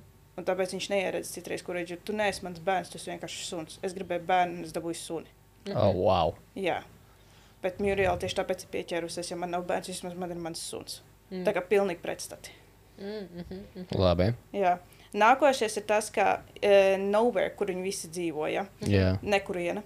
Ka tas ir īstenībā kaut kāds tukšums, tukšums starp mūsu pasauli un uh, kaut kādu supernaturālo pasauli. Mm -hmm. Ka tas varētu daudz izskaidrot, kādēļ viņi, kādēļ vis kaut, vis kaut kādas interesantas lietas pie viņiem nonāks. Kāpēc kaut kāda monstru tieši viņiem pie durvīm parādās, kāpēc ka visu laiku viņiem uzmācās. Jā. Un uh, nākošais ir tas, ka koreģi īstenībā ir uh, iestrēdzis šķīstītavā. Šķīstītavā ir vieta, kur nonāk dvēseles, kurām vēl nav izlemts liktenis, viņas ies tālāk uz uh, Um, es sapratu, ko vari. Jā, kad nav izlemts- Aizsaule. aizsolē, vai viņi ies uz uh, šo ten, uh, Jā. debesīm, vai viņi ies uz uh, tālāk uz ēlu, vai vienalga. Viņi vienkārši ir kaut kur pa vienam iestrēguši. Un ka uh, viņš ir iestrēdzis šajā šķīstītavā, un uh, viņi pēc fanu uzskatiem, kas izveido šīs te teorijas, ka viņš ir, viņam katru dienu restartējas un parādās jauni challenge. Kā visu laiku kaut kāds monstrs parādās, kas uzbrūk vienmēr, protams, Murielai justas, un viņiem ir jāglāb. Un tas varētu arī daudz izskaidrot, kāpēc katru dienu viņi pamožas tā, ka nekas nebūtu noticis. Mhm. Vienkārši viņam katru dienu ir jāpārvar kaut kādas bailes un kaut kādas lietas, ko viņš varbūt iespējams savā reālajā dzīvē, kad, kamēr viņš vēl bija dzīves, nespēja pārvarēt. Un tas viņam ir jādara visu atlikušo mūžību. Un vienkārši katru dienu restartēs, vai tas sanāca, tas challenge ok, vai nesanāca nekas, nākamajā dienā mēģinās vēlreiz. Un Mm. tā visu laiku uz riņķi. Jā. Un tad man liekas, ka ir tā pati populārākā, ko mēs, man liekas, visi esam dzirdējuši, ka mēs vienkārši visu to multinu redzam no koreģa acīm. Ka tāpēc cilvēki, kas ir, nu, ka tie monstri, tie monstri tie vienkārši, koreģam ir bail, jo viņš vienkārši visu laiku sēž mājās. Viņi baigi neved ārā, jo viņam vecāki ir veci, seniori, varbūt reiz gadā aizbrauc uz pilsētu, un tas arī viss. Atnāk kaut kāds vienkārši varbūt ciemiņš, tāpēc, ja jūs esat mīļi, neko nedarīt, tad, oh, sveiki, sveiki, un kurš redz, kas tas par briesmu, un jau sāk ārdīties. Es tieši par to gribēju teikt. Jā, es tā kā. Uh, tagad es uzzināju, ka būs par koreģu. Man bija viena teorija, ko es zinu, un tie, tā bija šī tā. Es, kā, es jau aizdomājos, līdz tas, ka viņi neteiks, un kā viņi pēdējie tagad ielikt, bet arī, jā, ka, ģipā, uh, nekurienē viņš dzīvo tāpēc, ka vienkārši. Patiesībā tā no nekuriena vienkārši tas korečs netiek vests ārā, un līdz ar to, par cik viņš nav bijis nekur uz ielas, tad viņš neko citu arī nav redzējis. Nu, tā kā ķipa teorētiski. un Bet oriģināli viņu atrada uz ielas.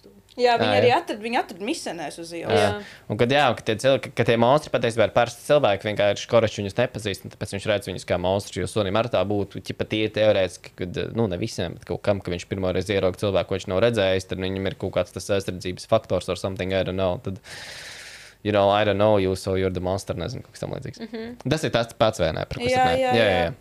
Viņš vienkārši, jā, tas varētu būt tiešām kaut kas kaim, kaimiņš vai kaut kāds tāds, ko kurš vienkārši nekad nav redzējis. Mm.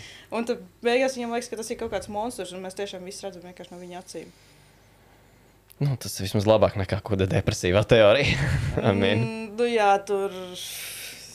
Bet, jā, man, man koreģis, es teikšu, godīgi, man, uh, man tā nebija no favorīta multinēm. Es, es, ne, nu, es vienkārši viņai nepieķēros. Es neteiktu, ka man tur viņa, es viņu baigi heitu, es viņai vienkārši kaut kā nepieķēros. Nu, ja tā, pa ko viņš runā. Ne, bet, ok. Nē, man, nē, es biju tam. Man, es saku, es joprojām varētu pateikt, ja būtu kas tev mīļākā mūte. Es teiktu, ka Orža Kārli Dog. Es zinu, es biju arī Indi, gan jau. Es neatceros daudz no savas bērnības, bet es zinu, ka es gan jau biju interesants bērns. Es skatījos tās mūtens Mēs pēc tam. bijām mur- interesanti bērni. Skatījos tās mūtens pēc tam murgoju panākt, bet tāpat tas skaties nākamajā dienā. Man, kas tev bija mīļākais multens? Tev to bija. Oh, Oh! viņiem Tu arī cik tas ir pats kanalizācijas saka. Un, un pats trakākais ir tas, ka viņus actually uztaisīja kaut kādu fucking narkomānu. Ā, jā, Jā, viņi Jā. arī ritīgi, tāds, tāds bāzes jau viņi izdomāja tos jā. teletubīs. jā, bet tāpēc, ka viņi reāli tā kā bija. Bet es nezinu, vai šī ir sazvērestības teorija arī, vai tā reāli notika. Kaut kāds sīkais izdomāja ielikt kanalizācijas akā pēc teletūbiem, nomira un tāpēc vairs nerādīja pa tele televīziju uh, teletūbijas. Es pat nezinu. Varētu tā būt. Es esmu dzirdējis, ka par teltūbiem arī ir kaut kādas sazvērstības teorijas. Nē, viņiem pildus, jo tā būtu ir reāli sačakarēta. Nu, tā kā, Viņiem ja tā padomā, tā kā, nu, kam man tur ir kaut kādi krīčers, viņiem ir tā kā televizori vēderā un tā kā. Tā pavasara saulīte, kas Jā. tur aust. Ah, jā, par to saulē runājot. Bija kaut kur, ķipa, kā fun fact, bija uh, meitenes, man liekas, bilde viņai 20 cik tur gadi, kas actually bija tā saule, vai kaut kādā brīdī Jā, jā, tur jā. bija tas bērns, kurš bija saule, kurš bija ķipa zīdainis, un kad viņai tagad jau ir kaut kas, nezinu, 30 gadu ar something. Jā, jā, viņai pašai jau bērni. ir. Jā, jā, jā. Jā, nē, man bija, uh, es biju. Kā to ņemt? Nu, es biju arī Cartoon Network bērns kaut kādā mērā. Nu, tāpēc, ka tās bija pirmās man liekas, kas Latvijā nāca iekšā, kas tur bija Dexters, de- detektīvu meitenes, uh, Govs un Cālis. Skubijas Dū. Skubijas Dū gan nebija Cartoon Network, viņš, man liekas, bija Hanna Barbera kaut kas tam līdzīgs. Arī Ah. Skubijas Dū. Uh, jā, tas pats Ecēdis un Edijs, ko es atceros, kas man bija tādi favorīti. Un tas pirmais, kas nāk prātā. Es zinu, ka man Džonijs Bravo nepatīk. Man viņš tagad vēlāk sāk ļoti iepatikties. Viņš ir rēcīgs. Bet sākumā man, es nezinu, man varbūt kā bērnam es vienkārši pie tās idejas, ka viņš tur visu laiku tur vecinēm koļīs klāt tā tālāk. Es kaut kā nepieķēru. Es nekad, es nekad neredzēju fantai multinē, es nekad viņu īsti neizpratu līdz galam. Tagad tas, nu jā, tagad es paaugos, tagad es sapratu to domu. Bet, uh, bet uh, tas tā, bišķi par multinēm runājot. uh, Mazliet arī Nickelodeon, tāpēc, ka tur bija SpongeBob. Es mazliet. Nu, es pa tādām kanālām figurēju, kad satelīts bija mājās. Uh, jā, bet tu, Paul, vari turpināt. Jā, ir arī, ka tu pieminēji, man arī viena no o- otra mīļākā. Vismaz es atceros, ka Sīgs bija ļoti daudz skatījos, ka ECC un Edijs arī tas, ko tu mm. minēji. Un te ir, te ir viens vesels. Mhm. Wow! Tum, tu, tum, tu, tu, rum. Es neskaties. Jā, šis ir īstenībā tā kā kopumā tā viena teorija, ka tā, kas tā, visi tie bērni, kas dzīvo tajā pilsētā, laikam saucās kuldasāk, Jā. īstenībā dzīvo šķīstā, šķīstītavā. Kāpēc visas šīs teorijas ir šīs? Tev palabošu par kuldasāku, bet turpini. Ā, viņi tā nesaucās? Nē, kuldasāka nav pilsēta. Kuldasāka ir tas, kad kā tev ir iela, un tad viņi aiziet uz to apli. Tā kā, un tad ir Ā, tā kā jā, jā, mājas jā, jā. pāri, un, un, Pareizi, un tas ir pareizi. tas ir kuldasāks. GTA Sandras. Nu jā, tie spēlē. Mums ir, es nezinu, tas dzirdēs par krāsotāju. Tur ir ļoti daudz, tur ir ļoti daudz San Andrejas referenci Pētera krāsotājs sērijā. Tiek spēlē San Andrejas. Pat pirmā misija, kur Sīdžais piebrauc pie mājas, tāds. Here we go again. Nē, viņi bija Tas opčiks. Ah, shit. Ah, viņi bija. Ah, shit, here we go Jā, again. jā. Bet jā, anyways. Groove Street Home. Ah, yeah, grocery. Oh. At least it was before I fucked everything up. oh, yeah! Iconic. Jā, Mums patīk GTA. Pilnībā aiz- kvalitātes es redzu, jā. Tik labi mīmē vienkārši. Es nemelošu, man šī spēle mājās ir uz trim platformām. Ej, tu noskas pa džeku. Boss, blin. Domēn. Aiziet pāri, blēz vaļā, redzēt, ir Labi, sēdījis. ka īstenībā tas, es teikšu, kuldas saks, tā vienkārši. Nu, nē, nu ir viņi visi dzīvo vienā kuldasāk, vienā Jā, rajonā. ka Jā. tas viens kuldas saks īstenībā ir šķīstītā un ka visi tie bērni īstenībā ir miruši. jā. Jo arī, ka tas jautājums tāds, tāds ok, kur ir, tā kā, ok, viss šos ietup tikai tiem pāris bērniem, cik viņi kopā tur bija astoņi, bišķi vairāk, ieskaitot mm Mhm. -hmm. tur vēl pāris mečus, uh, un um, kur ir viņi vecāki, tā kā kur Jā, vispār jā, ir jā. kāds pieaugušais, you know? Labi, Kind nu, un īstenībā izrādās, ka arī ka tā teorija, ka tā kuldasaka bērni vienkārši viņi visi vēl esot katrs no savas ēras nākuši. Ah, jā, es kaut kā atceros. Jā, ka tā ēra sākot no 1900 līdz 2000 gadiem. Ka no tās ēras katrs ir kaut kāds bērns sarosies tajā vietā. Uh, es varu pateikt, pirmais bija Rolfs. Uh, viņš tas garais ar ziliem matiem, Jā, jā, tas jā. lauks. Jā, Jā. Uh, uh, viņa, viņa teorija ir tāda, ka viņš ir dzimis kaut kur agrojos 1900 vai varbūt nedaudz pirms tam. Jā. Uh, un, uh, viņa, viņš bija piedzimis normālā ģimenē, ģimenei piederēja ferma, tur bija fermas dzīvnieki un tā. Un 1903. gadā viņš nomira, jo tie uh, dzīvnieki viņu sastampāja. Uh, Kā tu vari gadu precīzi izdomāt? Jo tieši 1903. viņu sastampāja. Viņi, viņi apgalvo, ka 1903. tas nu, labi, gan jau kaut kāda saistība to ir, bet es neatradu, diemžēl, kāda. Uh, viņš pie, pie, nomira 1903. gadā, kad viņi sastampāja tie dzīvnieki. Jā, labi. Tādēļ arī viņš tajā kuldasā, ka viņš, viņam tur ir savu māju dzīvnieku. Bet tāpēc viņam specifiski ir vien, uh, viena govs, viena kaza, pāris cūkas un pāris uh, vistas. Pietiekami dzīvnieki, drīzāk pietiekami maz dzīvnieki, lai nesastampātu viņu arī aizsaulē, lai nepieļautu to pašu kļūdu. Viņam tas tika iedots tajā šķīstītā. Mm. Nākošais, kas nāca, bija Džonijs. Un uh, Džonijs bija tas, kas staigāja ar planku. To, Ar tur, ā, dēli, jā. ar to dēlu ir uzzīmēto sēņu. Ar viņu ir tas, ka viņam nebija draugu. Un uh, viss, kas viņam bija, bija tas dēlis, uh, kuram viņš paņēma marķierus un vienkārši uzzīmēja sevi virsū. Jā, Viņš bija vienīgais cilvēks, ar ko viņš varēja tā normāli parunāt. Cilvēki. Nu, viņa acīs ir bija cilvēks. Dēls. Dēls. jā. Ah, es tur citu fun fact, es atceros.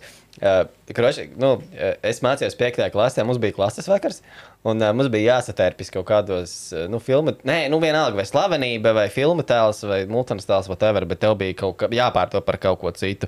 Mums viens čels pārta par Džoniju, viņš tā kā paņēma līdz dēlu, uzzīmēja viņam seju, viņš tādā nāks klasā, kur es esmu Džonijs, re, kur mans dēls. Es domāju, ka tur redzēt dēlu ar to seju, man turpat no viņam pašam jāpārģērbjas. Es arī saprast. ja, ja kāds jautās, kas es biju šajā klases vakarā, es atnesu skolas lāpus un teicu, ka es esmu sprīdīts. Tāds self-proofs. Genius. Pauls šajā brīdī ir bijis. Paula saplīsēja. Pauls ir broken. Sprīdīts ar savu lāpstu. Varēja smurfs. Kalnas gāzi. Ročs ar savu lāpstu, kalnas gāzi. Atnāk pastāvās un labs lielāk par sevi, tu esi sprīdis. Pastāvās es nebiju, bet eh, lāpstu, lāpstu gan man bija līdzi. Jo mums bija, mums, mēs bijām tā kā mūzikas klāsa, līdz ar to mums bija pieeja tā kā aktu zālē. Mēs tur varējām, nu, tā kā klases tas. Jūs mēs- esat pieeja lāpstai. Tā kā mēs mācījāmies mūziku, mums bija pieeja labs. Zini, kā kādam nācija mūzika. Kāds kurina tā notiekam. Whatever. Labi, kā aizrunāja. Ejam tālāk. Labi, tātad viņam, tam Džonijam bija savs dēls, jā. Uh, viņam arī viņš iedeva vārdu plank. Viņš saka, ka viņš esat nomiris 1922. gadā no tuberkulozes. Sešus gadus pirms izgudroja penicilīnu. ka Varbūt tāds nedaudz tā kā medicīnas vēsture, penicilīns ir pašas pirmās antibiotikas, kuras jebkad tika izg- izgudrotas. Mm -hmm. Un, uh, uh, viņš paņēma arī tāpēc līdzi šo te šķīstīto planku, tāpēc ka planks bija pēdējā lieta, ko viņš redzēja pirms viņš nomira. Tādēļ viņi tur kopā fīrējās abi divi. Nākošais, kurš ienāca, bija Edijs. Viens no tiem edijiem, tas bija tas īsais, Mazākais. Ar, mazākais ar tiem četriem matiem uz galvas. Mm -hmm. nezinu. uh, viņš eh, piedzima Ņujorkā. Uh, kad eh, bija šī tā lielā depresija, respektīvi, pilnīgi viss dzīvoja nabadzībā, nevienam nebija naudas. -hmm. Pilnīgi tā pati situācija bija arī viņa ģimenē. Un, uh, viņam arī lieta bija tāda, ka viņam tēvs ļoti agrā vecumā viņu bija pametis, viņu un viņu mammu, bet viņš skatījās uz savu brāli kā tagad, teiksim, tā, tā, tā kā father figure, kā galveno elku viņa dzīvē. Un, uh, lai gan viņa brālis īstenībā bija tāds diezgan nejauks, viņš tāpatās viņš nezināja labāk. Viņš nezināja neko labāk. Un man liekas, ka pāris epizodēs arī var dzirdēt, ka kaut ko Edijs ieminās par savu brāli, bet man liekas, mēs tā arī nekad viņa brāli neredzam. Viņš saka, o, mans brālis, mans brālis to man Viņu redzu. Ā, redzēji? Vienā sērijā. Viņš ir, man liekas, tiek uzskatīts kā vienīgais kind of pieaugušais, kurš parādās tajā sērijā. Man liekas, viņš bija pēd, pašā pēdējā sērijā. Varbūt tas bija tad, kad arī iznāca šī tās te teorijas, tāds - paga, paga, paga, tomēr nav tik traki. Bet, nu, labi. Uh, nu, tas bija par brāli runāt, bet uh, tas, kā viņš nonāca šķīstītavā, viņam bija tas, ka bija lielā depresija. Mammai bija jāuztur divi dēli, nebija naudas, un tad viņš bija tāds, kuram patīk tā, naudas apkrāpšanā jau uz kasīgs būdams ie- iefierēties tādās lietās. Jā. Um, viņam arī diezgan veiksmīgi tas brīžiem sanāca, bet vienu reizi gan viņu, kad uzķēra, uh, viņam sāk nesties pakaļ. Un viņš sāk skriet prom, un viņš aiz instinkta ielaica iekšā upē, kur viņš neapzināti arī noslīka. Un vienkārši pamodās tajā kuldesekā. Uh Mhm. -huh. Un, uh, viņš vēl nav apzinājies to, ka viņš ir miris, un tāpēc viņš turpina apkārt, apkārt kaut kādas tur, kaut kādas, jebkādas knifas da, darīt, lai dabūtu kaut kādu papildus naudu vai kaut ko, kaut kādu uh -huh. pilnīgāko. Lai... Viņa pēc tas bombāks gribēja dabūt. Man liekas, tā viņas Oh, jā, jā, jā. Tās lielās končas. Jawbreakers. Ah, Jawbreakers, jā, jā, jā. Uh, nākošais, kas bija Eds, tas tas lielais jēdziens. jā, jā, jā. Ar, ar Sāru savu māsu. Jā, jā, jā. Zaļā jaka viņam bija. Jā, jā, jā. jā, jā, jā. Uh, viņiem, viņi bija nākošie, kas ieradās tajā kuldesakā. Uh, viņa, viņiem tēvs nomira, kamēr karoja Otrajā pasaules karā, un, uh, un pēc tam uh, viņu mamma viņus, kā, var teikt, negluži pameta, bet vienkārši emocionāli kā, atvienojās no viņiem. Pilnībā pārstāv, tāpēc, ka viņai bija grūti aptvert to, ka viņas vīrs ir nomiris un viņa bērniem vairs nav tēva. Viņa vienkārši pilnībā emocionāli distancējās no, te, no Ēdu un Sāras. Un Sāra, mēs man, varbūt jau atcerēties no tā, ka viņa tajās visās epizodēs ir bijusi tāda rītīgi ņipra, tāda stingra un tu, uf, Ed, tu dari to, tu dari šito, un vienmēr pacelt balsi. Jo tas bija viņas tā kā coping mehānisms, ja tā var teikt, kā viņa sadzīvoja ar to, ka vispār viņai vecāki vairs nav. Kā viņa centās tā kā laikam to vecāku stingrumu aizvietot un kaut kā to iznest vēl visu laiku uz savu brāli, uz Edu. Un Eds to visu kolpoja tā, ka viņš pilnībā atslēdzās no pasaules. Viņam bija sava fantāzija pasaule, viņam patika Jā. komiks, viņam patika šīs visādas tur action filmas, kas bija rītīgi populārs pēc otrā pasaules kara, kas tikko, tikko parādījušās. Un, tā, un pilnībā atslēdzās no visiem, un tāpēc viņš to sāru vispār pat neņem galvā. Bet Kind tas, of. jā, bet uh, tas, kā viņi nomira, nebija īsti ar šo saistības. Tur vienkārši teiks, ka viņi kaut kādā trakā negadījumā nokļuva. Tur nav teikts konkrēti kāda, bet viņi abi divi tur bija un viņi nonāca šajā te kuldesekā. Uh Mhm. -huh. Nākošais bija Nēzi. Viņa bija tāda tā kā īsiņa, tāda, tāda mierīga, tāda Viņa blondīna. bija meitene ar sporta krāklu, man liekas. Uh, jā, Zelteniem matiem. Zelteniem matiem, jā, jau tā blondīnīca, sarkans lūpas un vispārējais. Jā, jā, jā. Viņai uh, uz viņu krašu bija iedījumi. Jā, jā, jā. Visiem. jā, jā, jā. Uh, viņa, viņa, bet nākošais, viņa bija dzimusi 60. gados, kad šī bija šī tā hipija ēra. Ja? Uh, viņai, viņa visus, visi viņu sauca par šo te puķu bērnu. Viņai arī viņa bija tāda mierīga, tāda planētā. Viņai patika pakuķetēt ar visiem un tā, visiem džekiem. Un uh, vismaz tā, vismaz tā viņa, tā, tā viņa tika aprakstīta šajā visā. Ja? Uh, bet tas, kā viņa nomira, bija 79. gada vasarā, kad uh, Serija Lapkava iz, iz, izskrēja, izkļuva ārā no trakonama un uh, izvaroja un nogalināja viņu un visu viņas ģimeni. Jesus Christ. Jā. uh, nākošais ets, jeb double D, tas ir Jā, galvas. tas, kas paliek no brā, vieniem trim, jā. Jā, jā, tas.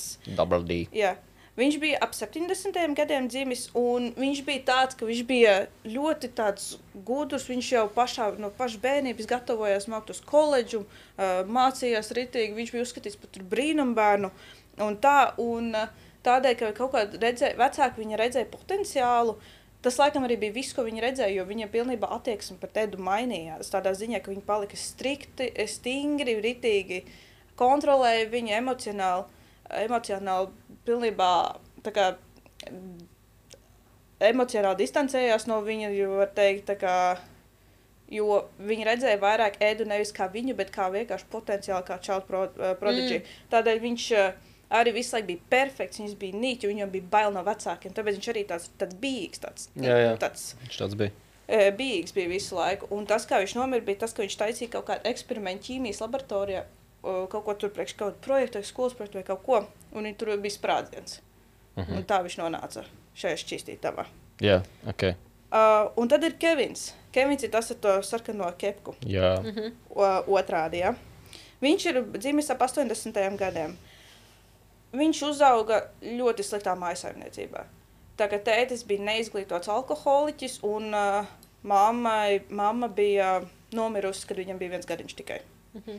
Un uh, šis te viņa tā, tas tētis vispār galīgi nepanesa labi šo te mammas aiziešanu, tādēļ viņš ļoti iznes visas savas dusmas uz viņu, uz šo te Kevinu. Mhm. Un uh, tāpat tās arī vienu dienu, kad tētis laikam pārāk daudz piedzērās un galīgi aizgāja ciet, viņš vienkārši piekāva Kevinu līdz nāvei. Mm. Jā. Uh, arī kamēr Kevins vēl bija dzīves, viņš bija tāds, kurš ļoti buļļoja apkārtējos, viņš ļoti pazemoja, apbižoja visus apkārtējos. Un tāpat tās viņš to arī turpināja darīt šajā kuldesakā, kad viņš Jā. tur nonāca. Bet uh, bija lieta tāda, ka, kad Kevins atnāca, aiz, aizgāja aizsaulē, viņš kaut kā laikam aizgāja pilnībā denial, pilnībā noliegumā un domāja, ka viņa tēvs ir vislabākais, kāds var būt. Nē, viņa tēvs nebija tāds, viņš bija mīlošs. Nē, viņš, viņš nesita viņu, viņš viņam dāvināja dāvanas, viņš bija ļoti jauks un tāds. Mhm. Bet īstenībā viņš vienkārši viņam grūti aptvert to, ka tā tas bija. Bet viņš arī tāpat tās turpināja visu bulijot. Un tad pats pēdējais mums ir uh, Džimijs. Džimijs tas ir tām lieliem breketēm. Jā. Uh, viņš bija pēdējais, kas ienāca. un Viņš bija dzimis uh, agrējos 90. gados. Un, uh, kad viņš dzima, viņam diagnozēja ar leikēmiju. Um, viņš nekad nebija tādēļ bijis draudzīgs ar ā, apkārtējiem bērniem, kā tajā kulda sakā. Varbūt, ja pat ja bija, tad parasti viņu vilka ar varu bez mazai ārā. Jo, kad viņš bija mazs, ā, mana, manai mammai, ā, viņa mammai bija bail viņu laist ārā pie citiem bērniem. Viņam likās, viņš ir trausls, kaut kas viņam notiks, un tas nebūs labi, jo viņam tā lēkēmi. Un, ārprāts, nabaga bērniņš. Tāpēc viņš arī vienmēr ir bijis tāds, Dievs, ne, man notiks šis, es nevaru, man notiks tas. Un es pārējais. Un tad viņš lielākoties savu mūžu bija vienkārši piesiets pie gultas. Tā kā gultas režīmā. Jā. Līdz viņš beid, līdz tā šī slimība viņa pārņēma, viņš arī nomira. Un viņš bija pats pēdējais, un tad izveidojās šis te kuldasaks. Par kankara māsām arī kaut kas. Jā, kank, pareizi, kankara māsām arī. Jā. Viņas bija nedaudz savādākas tādā ziņā, ka viņas ir uzskatītas, ka viņas nav bērni, kuri nomira, bet viņas īstenībā ir dēmoni, kur ir aizsūtīti uz šo te kuldas saku, uh, lai kādā tādā veidā tā kā tracinātu tos, tās bērnu dvēseles, kuras acīm redzot nav pelnījušas nonākt kādā, uh, nu, nav pelnījušas no šķīstītavas tik tālāk. Uh, uh, tā kā viņam viens no indikācijām, arī es pēc tam šito ten, uh, pieminēšu pie pierādījumiem, kādēļ uzskatīja, ka šie bērni ir, kādi viņi ir, kas, ka viņi ir nonākuši kaut kādā šķīstītavā, tur pēc tam es to ieminēšos. Kā kankara māsām bija, viņas bija vienīgie karakteri, kurām bija normālā krāsā mēlis. Jā, te bija dzirdējis. Jā, un tas nozīmē, ka paga, viņas nav tad mirušas, tas ir kaut kas cits. Ja? Un uh, arī kaut kādā veidā viņas bija ļoti kā, saistītas pie tiem edu brāļiem, vai nu, ne edu brāļiem, bet nu, ediem visiem. Ediem, jo kaut kādā veidā viņas skaitījās, ka uh, laikam visvājākie vai tā kā vismost vulnerable. Tie Viņu- bija visi. Jā, visi yeah. ēdīja, ēdīja, Mhm. jā. Un uh, apparently arī visi tā kā asociējas ar kaut kādu grēku. Un tādēļ tie, dēm, tie dēmoni, kankers sisters, viņas tieši tā kā ir saistīts pie šiem tēdiem. Un otrs, ko es gribēju teikt, kādēļ visi šie pierādījumi, kas ir pierādījumi visam šim, ka, kāpēc ir kā ir, pa mēlēm, ko es gribēju teikt. Tiem bērniem visiem ir uh, mēlis, ir zaļas vai zilas. Jeb, tas ir tā reāli arī notiek, ka tad, kad kāds nomirst, viņam nomainās krāsa uz zaļu zilu Jā. mēli. Tāpēc mhm. tas ir viens tāds pierādījums. Uh, aizdomīgi maz uh, pieaugušo vai citu bērnu un ģenerāli visā šovā. Aizdomīgi Jā. maz. Faktiski nav. Jā, var teikt. Un tas arī liels Jā. brālis pēdējā sērijā parādās. Man liekas, tas ir arī viss. Jā. Uh, nebeidzās vasara. Vismaz tā bija sākuma epizodēs. Vasara nebeidzās. Visu laiku ir tikai vasara. Jā. Uh, un uh, viss tas šovs norisinās tikai vienā vietā. Nu, palielam. Jā. Mhm, Jā. Nu, es zinu, ka ir sērijas, kur viņi ir izgāztuvē vienkārši kaut kur. Viņam tur vieta, kur tu sēdi. Jā. Pret, jā, tad tas arī vai arī kaut kur. Nu, teiksim tā, viņi ir vienā tādā rajonā, viņi nav varbūt citās pilsētās, bet tas ir daudzās, nu, nu labi, ok. Es domāju, daudz, kur, man liekas, viņi visi darbojas tikai vienā vietā, tie tēli. Bet, agais sēdīs, un, nu, jā, varētu pieņemt, ka viņi visu laiku bija plēlam kulda sāku, jā. Mm, Jā, vot, bet tad jau arī tas counter-evidence par to tur. Pat tām mēlēm, ka vienkārši tur jau arī bija viss. Tur vienkārši tur viņi bija bērni, viņiem vienkārši garšoja končēs. Nu, tas varētu būt no jobbreakeriem, ka vienkārši nomainās krāsmēlē. Ja? Mhm. Tālāk arī tas, ka par šito ten, um, tad, tad, tas, ka tur nebija tie pieaugušie tāds, nu, tāpēc, un kāpēc visu laiku vasara, tāds, nu, zin kā vasara, bērniem patīk vasara, tāpēc uztaisīt to kā vasara, un kad ir vasara, ne jau tu ies, un tev ir brīvlaiks, ne jau tu ies, un tu tu savu vecākie, kad tu izsīgs. Vai arī tā kā, tāpēc arī tu nekad neredzēsi uh, savu draugu vecākus, jo jūs būsiet kaut kur ārā, un varbūt citreiz pat savējās neredzēsiet. Un tādi visi tie tur, tā kā, tā, Nu, tas bija jā. tie counter-evidence un tā, bet es nezinu, man tas tā diezgan labi viņi bija noformulējuši šo katram bērnam, kā, kā tur viņam ir gājis. Nu, tas ir tā diezgan jā. Starp citu, vai jūs zinat, vai kurš pēc jū, no, šī seriāla, tātad multiples varoņiem, kurš no šiem tēliem pēc jūsu domām ir viss, es nezinu, bīstamākais vai briesmīgākais vai ļau, ļaunākais, vai tas laikam būtu īstais vārds? Jo man ir viens tēls, kurš. ā, Kurš ir kādas versijas? Nu, pēc jūsu domām, kurš varētu būt tas ļaunākais tēls? Ļaunākais. Um, Tas the most evil kid. es nezinu, man liekas, ka viss, es teiktu, sas vairāk varētu būt Edijs. Jo mm. viņš jau no, viņam jau no pašas bērnības bija jābūt gudram, runājot arī par to, kā viņš naudu dabūja savai ģimenei. Jā, Nu, labi, jā, viņš tur tos sodus taisīja. Ir versijas, ka ķipa, teorētiski arī uh, Kevins, jo viņš bija nu, kretīns. Nu, jā. Bet uh, bija viens čels, uztaisījis video, kur viņš taisa, uh, kur viņš bija salicis kaut kā pa grupām. Kaut kā, nezinu, pirmā grupa, viņi tur galīgi tur neļauni jau jauki, tad otrā, tad tālāk. Un man liekas, tēls, par kuru cilvēki nekad neiedomātos, bet ko viņš uzskata par ļaunāko tēlu, ir Džimijs. Džimijs. Tāpēc, ka Džimijs patiesībā ir manipulators.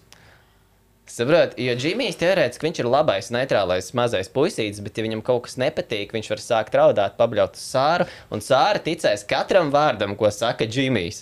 Jā, jā. Un līdz ar to Džimijs. Un Viņš... sāra ar savu raksturu, jā. Jā, un bija pat vienā sērijā, kaut kur bija kaut kāds moments, es atceros, kad Edijs kaut ko pateica Džimijam vai kaut kas. Viņš pat, nu, es nezinu, kā viņam uzbrauca, bet viņš īsti neko negribēja tam Džimijam nodarīt. Bet Džimijs nedabūja no Edija to, ko viņš vēlējās dabūt. Un viņš faktiski izsauca sāru un sāru uzbruka Edijam. Un tas Edijs tāds, tā kā viņai saka, viņš ir manipulators. Viņš tā tieši tā pērvēja ir sākuši, ka tas nenotika. Viņi tā, tā, nē, nē, nē, tā kā Džimijs ir tikai, jā, sāru, viņš man apelo, vai ne? Un, un viņš teica, Džimijs, tā kā patiesībā visļaunākais. Jā, Kevins ir kretīns un tur Edijs tur schēmo, bet viņš ir manipulators. Nu, jā, tā tādā ziņā. Un uh, vēl viena lieta, ko es gribēju pieminēt, precēts un Edijs, ir, uh, ir tā, ka YouTube ir viens reperis, kurš ir kind of izveidojis turpinājumu tam visam stāstam. Uh, viņš, kā, viņš tas ir dziesmu veidā, kur nu, tev jāklausās, nu, ir dziesma, un tev dziesmas vārdi jāklausās, lai saprastu, kas tur notiek tālāk. Bet man patīk, interesanti, ka viņš dziesmas laikā viņš ir salicis visādas bildes, kur viņš tos tēlus ir uzzīmējis tādu, kā viņiem būtu kaut kādi, nezinu, 18, 19 gadi. Viņi vairs nav tikai bērni, viņi ir tikai tīneģeri. Bet tas stāsts, ko viņš tur liek tajās dziesmās, tas gan ir bijis viņa fakta labi, tāpēc, ka idejas, ka ķipa, viņi tie edijas atšķirās. Un tad tas Edijs, eh, nu tas pats mazākais, vai ne? Edijs, viņš it kā kaut kur aizbrauca prom, viņš bija kaut kādas sūdzes sataisījis, it kā, es nezinu, teorētiski pēc, at, es nezinu, tik nokļūdīšos pēc attēliem, man likās, ka ķipi idejas, ka tie Edijs sajiet kopā ar tām māsām, viņi visu laiku tika asociēti, visu laiku, vai ne? Uh, bet, ja Edijs novāca vienu no māsām, tad Double D kaut kur ar šo Blue from Imaginary Friends, jā, ar to, ka kaut kur viņš viņu izrāva un, un viņš aizbrauca uz to Imaginary Friends, to pili, man liekas, or something, I don't know. Uh, Džonijs uh, gandrīz ar narkotikām aizgāja, viņš tipa nonāca slimnīcā, bet viņš nepārdozēja. Nu, tipa tādā veidā tas viss stāsts aiziet. Bet, uh, bet uh, jā, var atrast tādu. Bet ir viens dziesmas, kas man tik patīk viņam. tur Tāds. Bet viņš vairāk tā kā repa veidā, es varbūt aizsūtīšu to linku, ja es atcerēšos.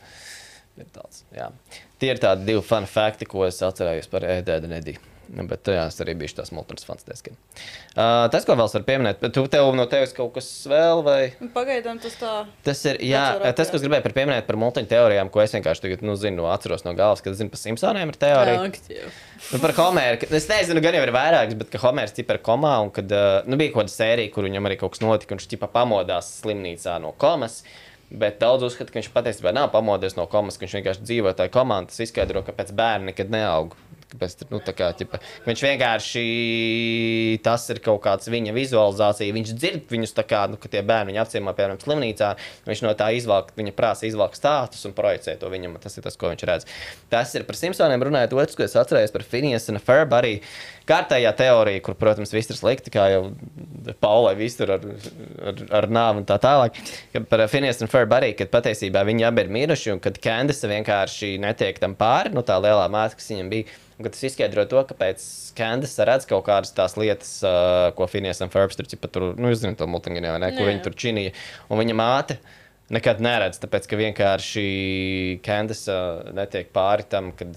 kad uh, kad uh, viņi bija, viņi ir actually, mir, uh, jā, ka viņi ir actually miruši. Un viņai, ja esot bijušas labas attiecības ar Finiesu, bet ne tik labas attiecības, ja es viņas tagad nejaucu, ne tik labas attiecības ar Ferbu, un tāpēc tas Ferbs bieži nerunā. Farber ir zaļie mati. Nu, tas garais, ķipa, jā, jā, jā, jā, tam, kuram nav trīs tur veidu galva, iluminatī, bet, vai. bet, saradām vēl viens cilvēks, kurš ir saistīts. bet, uh, bet, jā, tāpēc viņš baigi nenāties sērijā.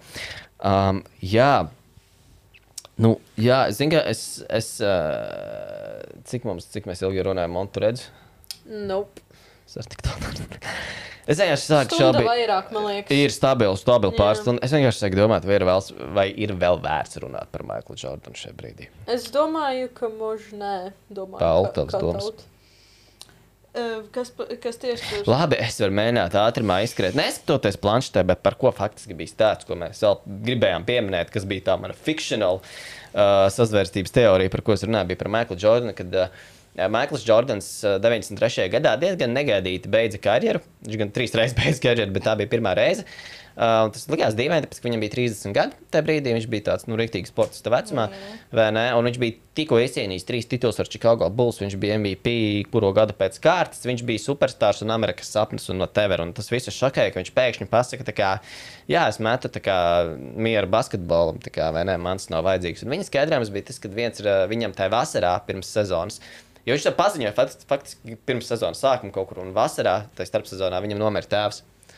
Un, uh, viņš teica, un tad pie, man liekas, viņš arī teica, jā, ka viņam vajag vienkārši pauzīt, paņemt un tā tālāk. Viņa daudz uzskatīja, ka tas dēļ tā tēva. Man liekas, arī, tēva, man liekas, arī to pieminēja, ka tas dēļ tā tēva. No otrs, ko viņš pats minēja, ka viņš vienkārši vairs neredz jēgu no pērnplī, ka viņš bija nu, kaut kādā mērā tik labs, ka viņam vienkārši nebija interesanti vairāk par something. Un uh, viņa tēvs vienmēr bija gribējis, lai viņš ir beisbolists. Nevis basketbolists. Un viņš arī pēc basketbola uzreiz pievērsās beisbolam. Viņš spēlēja trešajā augstākajā beisbola līgā, kas tur, nu, MLB vai kā viņš sauc, viņa ir augstākā, tad ir viena zemāka un vēl viena zemāka viņš spēlēja. Bet Viņš, kā, viņš nospēlēja kaut kādu vienu sezonu, man liekas, vai kaut kāds 18. Nē. Uh, jā, 18 mēneši vai 13 mēneši. Nu, kaut kāds 11 mēneši, kurus viņš nospēlēja, un, un viņš uh, vienkārši atgriezās basketbolā. Nu, viņa galīgi negāja.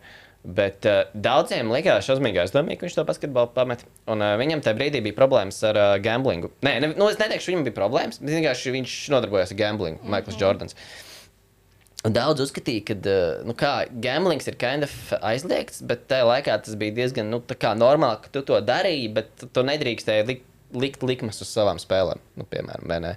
un daudz domāja, ka tas var aiziet uz to. Or something, un līga, man, nu, ķipa, Baumoka līga arī par to nobijās, un līga tā kā viņu speciāli izmet ārā, kad viņš ķīpa pārkāpa noteikumus, bet viņi to tā nekvalificēja, jo tas būtu slikts tēls gan NBA, gan Jordanam. Viņi negribēja sabojāt nevienu no otra tēlu. Un tāpēc Jordans ķīpa ir pametis basketbolu, uh, izcietis to savu, nu, ķīpa, kas viņam būtu bijis sots, uh, tur nezinu, gads un vēl kaut kas. Un, uh, un tad viņš atgriezās tajā basketbolā, lai nebojātu vienkārši to savu bildi. Mm -hmm. Un uh, kas bija interesanti, tas, ka Planšetē rakstīts, tur bija kaut kādi, uh, viņam bija čeks uz 47,000 izrakstīts kaut kādam čalam, kurš tur bija baigais, uh, nu, sliktais tēls no, no gambling undergrounda pasaules, kaut kāds, kurš tur feisoja cietumu jau. Uh, viņš, karoči, viņam bija parādā 47,000. Tad bija vēl viens kaut kāds uh, čalis, kuru novāca, viņam, uh, viņam, atņēma, nu, viņam bija kofers, viņam atņēma to naudu no kofera, bet koferī palika papīri. Un tu jūs papīros atradi trīs čekus ar Maikla Jordana parakstu, uh, kuri kopā sastādīja 108,000 ASV dolāru summu, ko viņš ir izmaksājis. Visticamāk, arī nu, gamblingā parādos, ko viņš nospēlējis. Un sākumā, kad viņam uh, tiesā, es nezinu, tur bija kaut kāda saistība ar tiesu vai kā, bet viņam sākumā, uh, nu, jā, viņa iesūdzēja, viņš teica, ka viņš to naudu ir vienkārši aizdevis. Mm -hmm. Nu, tam čalam, kuram, kuram bija tas čeks uz 47,000, ja nemaldos. Un tikai vēlāk viņš pateica, ka nē, patiesībā viņš viņam bija parādā no gamblinga. You know? un, uh, un, jā, un tad vienkārši zinot to, ka viņam bija gambling problēmas un kā, kāds, kad tas līga ir bīstami, ka tas ir varbūt negatīvs tēls, tā tālāk, tā joprojām. Un kad sportā bija tādi notikumi diezgan bieži, kad uh, kaut kas gamblo vai tiesneši gamblo savām spēlēm un pēc tam manipulē ar to rezultātu kaut kā, lai vienkārši iegūtu nezinu, tur naudu. whatever. Tad bija tādas aizdomas, ka patie, nu, tā bija tā teorija, ka patiesībā viņš pameta basketbolu tikai tāpēc, ka uh, lai uh, viņu neizmestu publiski no līgas, bet vienkārši tāds, vai mēs tu aizēju un mēs izglābjam tavu seju, tu izglābi mūsu seju, un viss ir un tā nāca pēc pāris mēnešiem atpakaļ. Uh -huh. Un viss ir klīni. Nu, tāda būtībā bija tā teorija. Protams, ka viņi ir nu, ķipa apgāzti un uh, kaut kas uh, bija. bija mm, skatījos tos uh, pierādījumus, kāpēc, viņš tur, kāpēc šī sasvērstības teorija ķipa varētu nestrādāt. Un tur arī bija viens tas fakts, ko es tagad no galvas atceros, kad ir pagājuši cik tur tie gadi. Un uh, vairākas grāmatas par viņu, man liekas, sarakstīts, un neviens nekur nav minējis to, ka viņam ir. Uh, nu, viņam tur būtu tik liels tās gambling problēmas. Tā kā līdz šim brīdim kaut kam vajadzētu uznākt gaismā, ja tur kaut kas reiz būtu arī bijis, ja kaut kas būtu, nezinu, rasēčojies tik tālu, ka viņš būtu atradis. Bet, nu, bet, uh, bet jā, pēc tam Jordans atgriezās. Uh, tad viņš, man liekas, 2000. gadā atkal pateica, ka viņš visas retairoja, nu, tā kā visu aizēja no NBA, bet, vai 99. Un tur viņš atnāca atpakaļ un nospēlēja līdz 2003 kur gan viņš spēlēja Vašingtonas uh, Wizards. ja Viņam, nu, viņš, kad viņš bija zvaigznes, viņš bija Chicago Bulls, bet pēdējās sezonās viņš bija Wizards, un tad viņš aizgāja pa visam no basketbola. Bet, uh, jā, bija uzskats, ka viņam ir gambling problēmas. Ah, tur arī bija stāsts par to, ka viņš reāli playoff spēles mačos. Viņam uh, starp fināla maču bija kaut kādi, un starp spēlēm viņš tā kā spēle bija, teiksim, Ņujorkā, bet viņš pa nakti aizlidoja uz Atlantikas City. Bija līdz trijiem vai četriem rītā kaut kādā šajā spēļu zālē vai līdz, ne, vai līdz diviem, kaut kādos četros, piecos viņš bija atpakaļ tajā Ņujorkā, un desmitos bija spēle. Nē, vai treniņš pirmais. Nu, Kročs viņš neilgi pirms tā treniņa kaut kādā mērā, možda tur stundu pagulēja, un viņš devās uz treniņu. Visiem man liekas, tas baigi aizdomīgi, kā, ka mo, viņam azartspēļu problēmas ar something. Bet, uh, bet viņš, viņš betoja uz, uh, nu, betoja, viņš lika likmes, man liekas, uz golfu. Un viņš tur golfā bija baigi daudz naudas arī zaudējis. Kaut kas pat plēsi, kad miljonu 1,2 miljonus, kas pēc tam tika nomests nost uz 300 tūkstošiem, kas daudziem cilvēkiem likās dīvaini. Kā, nu, piemēram, uh, es tev būtu parādā miljonus, 200 tūkstoši, vai ne? Nu, kāda iespēja, ka tu man ļautu to cenu nolēst līdz 300 tūkstošiem? Tas baigi, nē. you know. Bet, nu, kurš, jā, viņam bija tās problēmas, bet, nu, beigās, nu, īsti nav tā arī nekas atklāts, bet tāda bija tāda arī viena sazvērstības teorija par sportu, tā kā mēs runājam, iekļājam, jā, te pašu pamatu. Mums ir kaut kāds multens, mums ir sports, mums ir Latvija. Tad, tad tas ir apmēram arī mūsu, mūsu šodienas tāds mērķis un saturs, ko mēs gribējām pastāstīt. Uh, jā, mēs jūtam, ka mēs esam nonākuši pietiekami daudz. Mēs domājam, ka ir jāmet mieru šai epizodei. Um, ko jūs vēl pēdējā vārdā, varbūt, ko jūs vēl gribētu piebilst? Zak ir zirnekļu. Lizard. 100%. Spēdramets, ko nē? Nē, Zak ir Ā, ķirzekļu. zaki. Es to teicu zirnekļu. Jā, es saku, spēdramets. Fui, nē, ķers cilvēku. Labi, es domāju, mēs jau esam norunājuši Sas, ēkšķi. sasierstības teorija, jā. Spēdramets zirnekļu cilvēks. Trust me, tā kā es jums, es jums saku, jūs man neticiet, bet tā ir. bet, uh, bet, In a nutshell. In a nutshell. in a nutshell, jā, Zuckerberg, uh, jā, nu, jā. Man patīk viņu saukt The Zak. Uh, the Zaks. Zaks. Zak. Jā, uh, Palku, pēdējā vārda no tevis. Nu, Nu, podkāstās. Nu. es tā vienkārši darbā vienā uz pāri. Nu, ne, nu labi, tas nebija pāri, tas bija apmācības. Tā pagāja. Es, šit, es nezinu, kam es stāstīju, vai es jums esmu stāstījis, kā es nofēloju, kad man bija, man bija ķipi jārunā ar klientu, jānopārdod viņam avio biļeti uz Āfriku, un es viņam gribēju kā pateikt, šis deals jums ir izdevīgs, tāpēc, ka jums lidojums ir kā naktī, līdz ar to jūs tā kā vakarā varēsiet pavadīt ar ģimeni, zin kā, moš, nu, tā kā, zin kā pasēdēt un tā. Vienīgi tas, protams, angliski notiek, un es tev pateicu, nē, tā kā, ķipā, this, this option is great because you can spend your last day with your family. Nu Jā, nu, ķipā, pirms tu ceļo atpakaļ uz Ameriku, jo viņam tas family Afrikā ir. Robčikam pazudīs bonus tajā brīdī.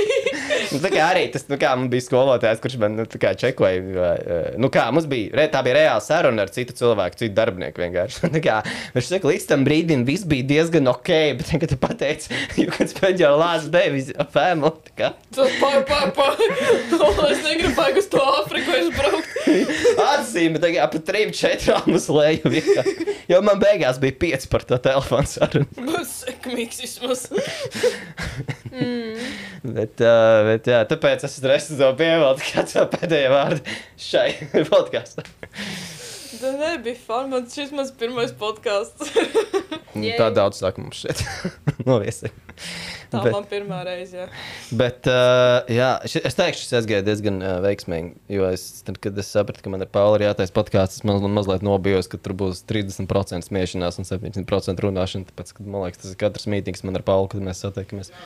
Tāds vienkārši varbūt vēl Nē, imīgs. nu mēs ierēcām diezgan. bet- Nē, nu jā, bet tas vienkārši man ar to laikam sāk, vajadzēja sākt, tā kā, ķipa, kad mēs iepazīstinām Pauli. Tā kā Pauli ir tā meitene, ar kuras satiekos, un 30%, pro- nē, tad kā 30% no visa mītinga, nezinu, vienkārši rēkšana. tā kā. tā ir. Nē, nu, zinot, ka tā vispār par tādām konspirāciju teorijām, kurām mēs runājam, arī tas būtu ļoti interesanti, ja mēs 30% no viņiem noņirktu. Nu, labi, šis varbūt nebija tas temats, bet. Uh... Bet, um, jā, dažreiz, nezinu, mēs aizējām uz kādu bāru un mazliet bailēs, tāpēc, ka es vienreiz ar cēzara salātiem aizrijos, man liekas.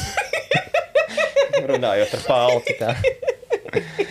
Viss kārtībā bija. Bet, uh, Problēma tāda, ka mēs smējamies par cilvēku, kur gandrīz nobrauc. Jesus Christ. trūkrājums. Guys, you have no chill. What the fuck? Man liekas, tas cilvēks nebija labais tēls. Nē, viņš nebija. Jā, nebija. jā, jā, es uh, kaut ko tādu atceros. Jā, labi, jābeidz muldē. es atceros, tu rapdi sapņu. Uh, jā, nu, ja nevienam vairs nav ko teikt, uh, paldies par, par, par uh, to, ka pieslēdzāties šodien mums podkāstā. Ah, starp citu, nākošā sērijā mēs idejiski. uh, Tāda ir ideja. Mēs turpinām runāt par mistiku. Jūs gribējāt, mēs deliverojam. Un uh, nākošā sērijā mums ir ideja runāt par kristāla enerģiju, mm, nedaudz par kosmosu, iespējams. Vai arī horoskopiem? Es nemāku pateikt, man vienkārši tematus iedāvā mans nākošais viesis, tā plus mīnus. Un uh, viņš vienkārši kaut kā sasaistās arī ar mīstiku un vispārējo. Tā kā mēs turpināsim plūst pa šo upi, tā teikt. Un, uh, un tad to jūs visticamāk varat sagaidīt. Nu, jā, nu, jā, to jūs varat sagaidīt uh, nākošajā sērijā. Bet, uh, jā, atgādināšu, paldies, paldies ka uh, bijāt šodien kopā ar mums. Paldies, tev, Paul, ka tu ieradies uz mūsu podkāstu. Mēs Paldies, ceram, ka tu šeit pavadīji labu laiku. Jā. Un, uh, jā, un, un, un tad jau tiekamies nākošajā sērijā. Tiekamies. Čau, čau!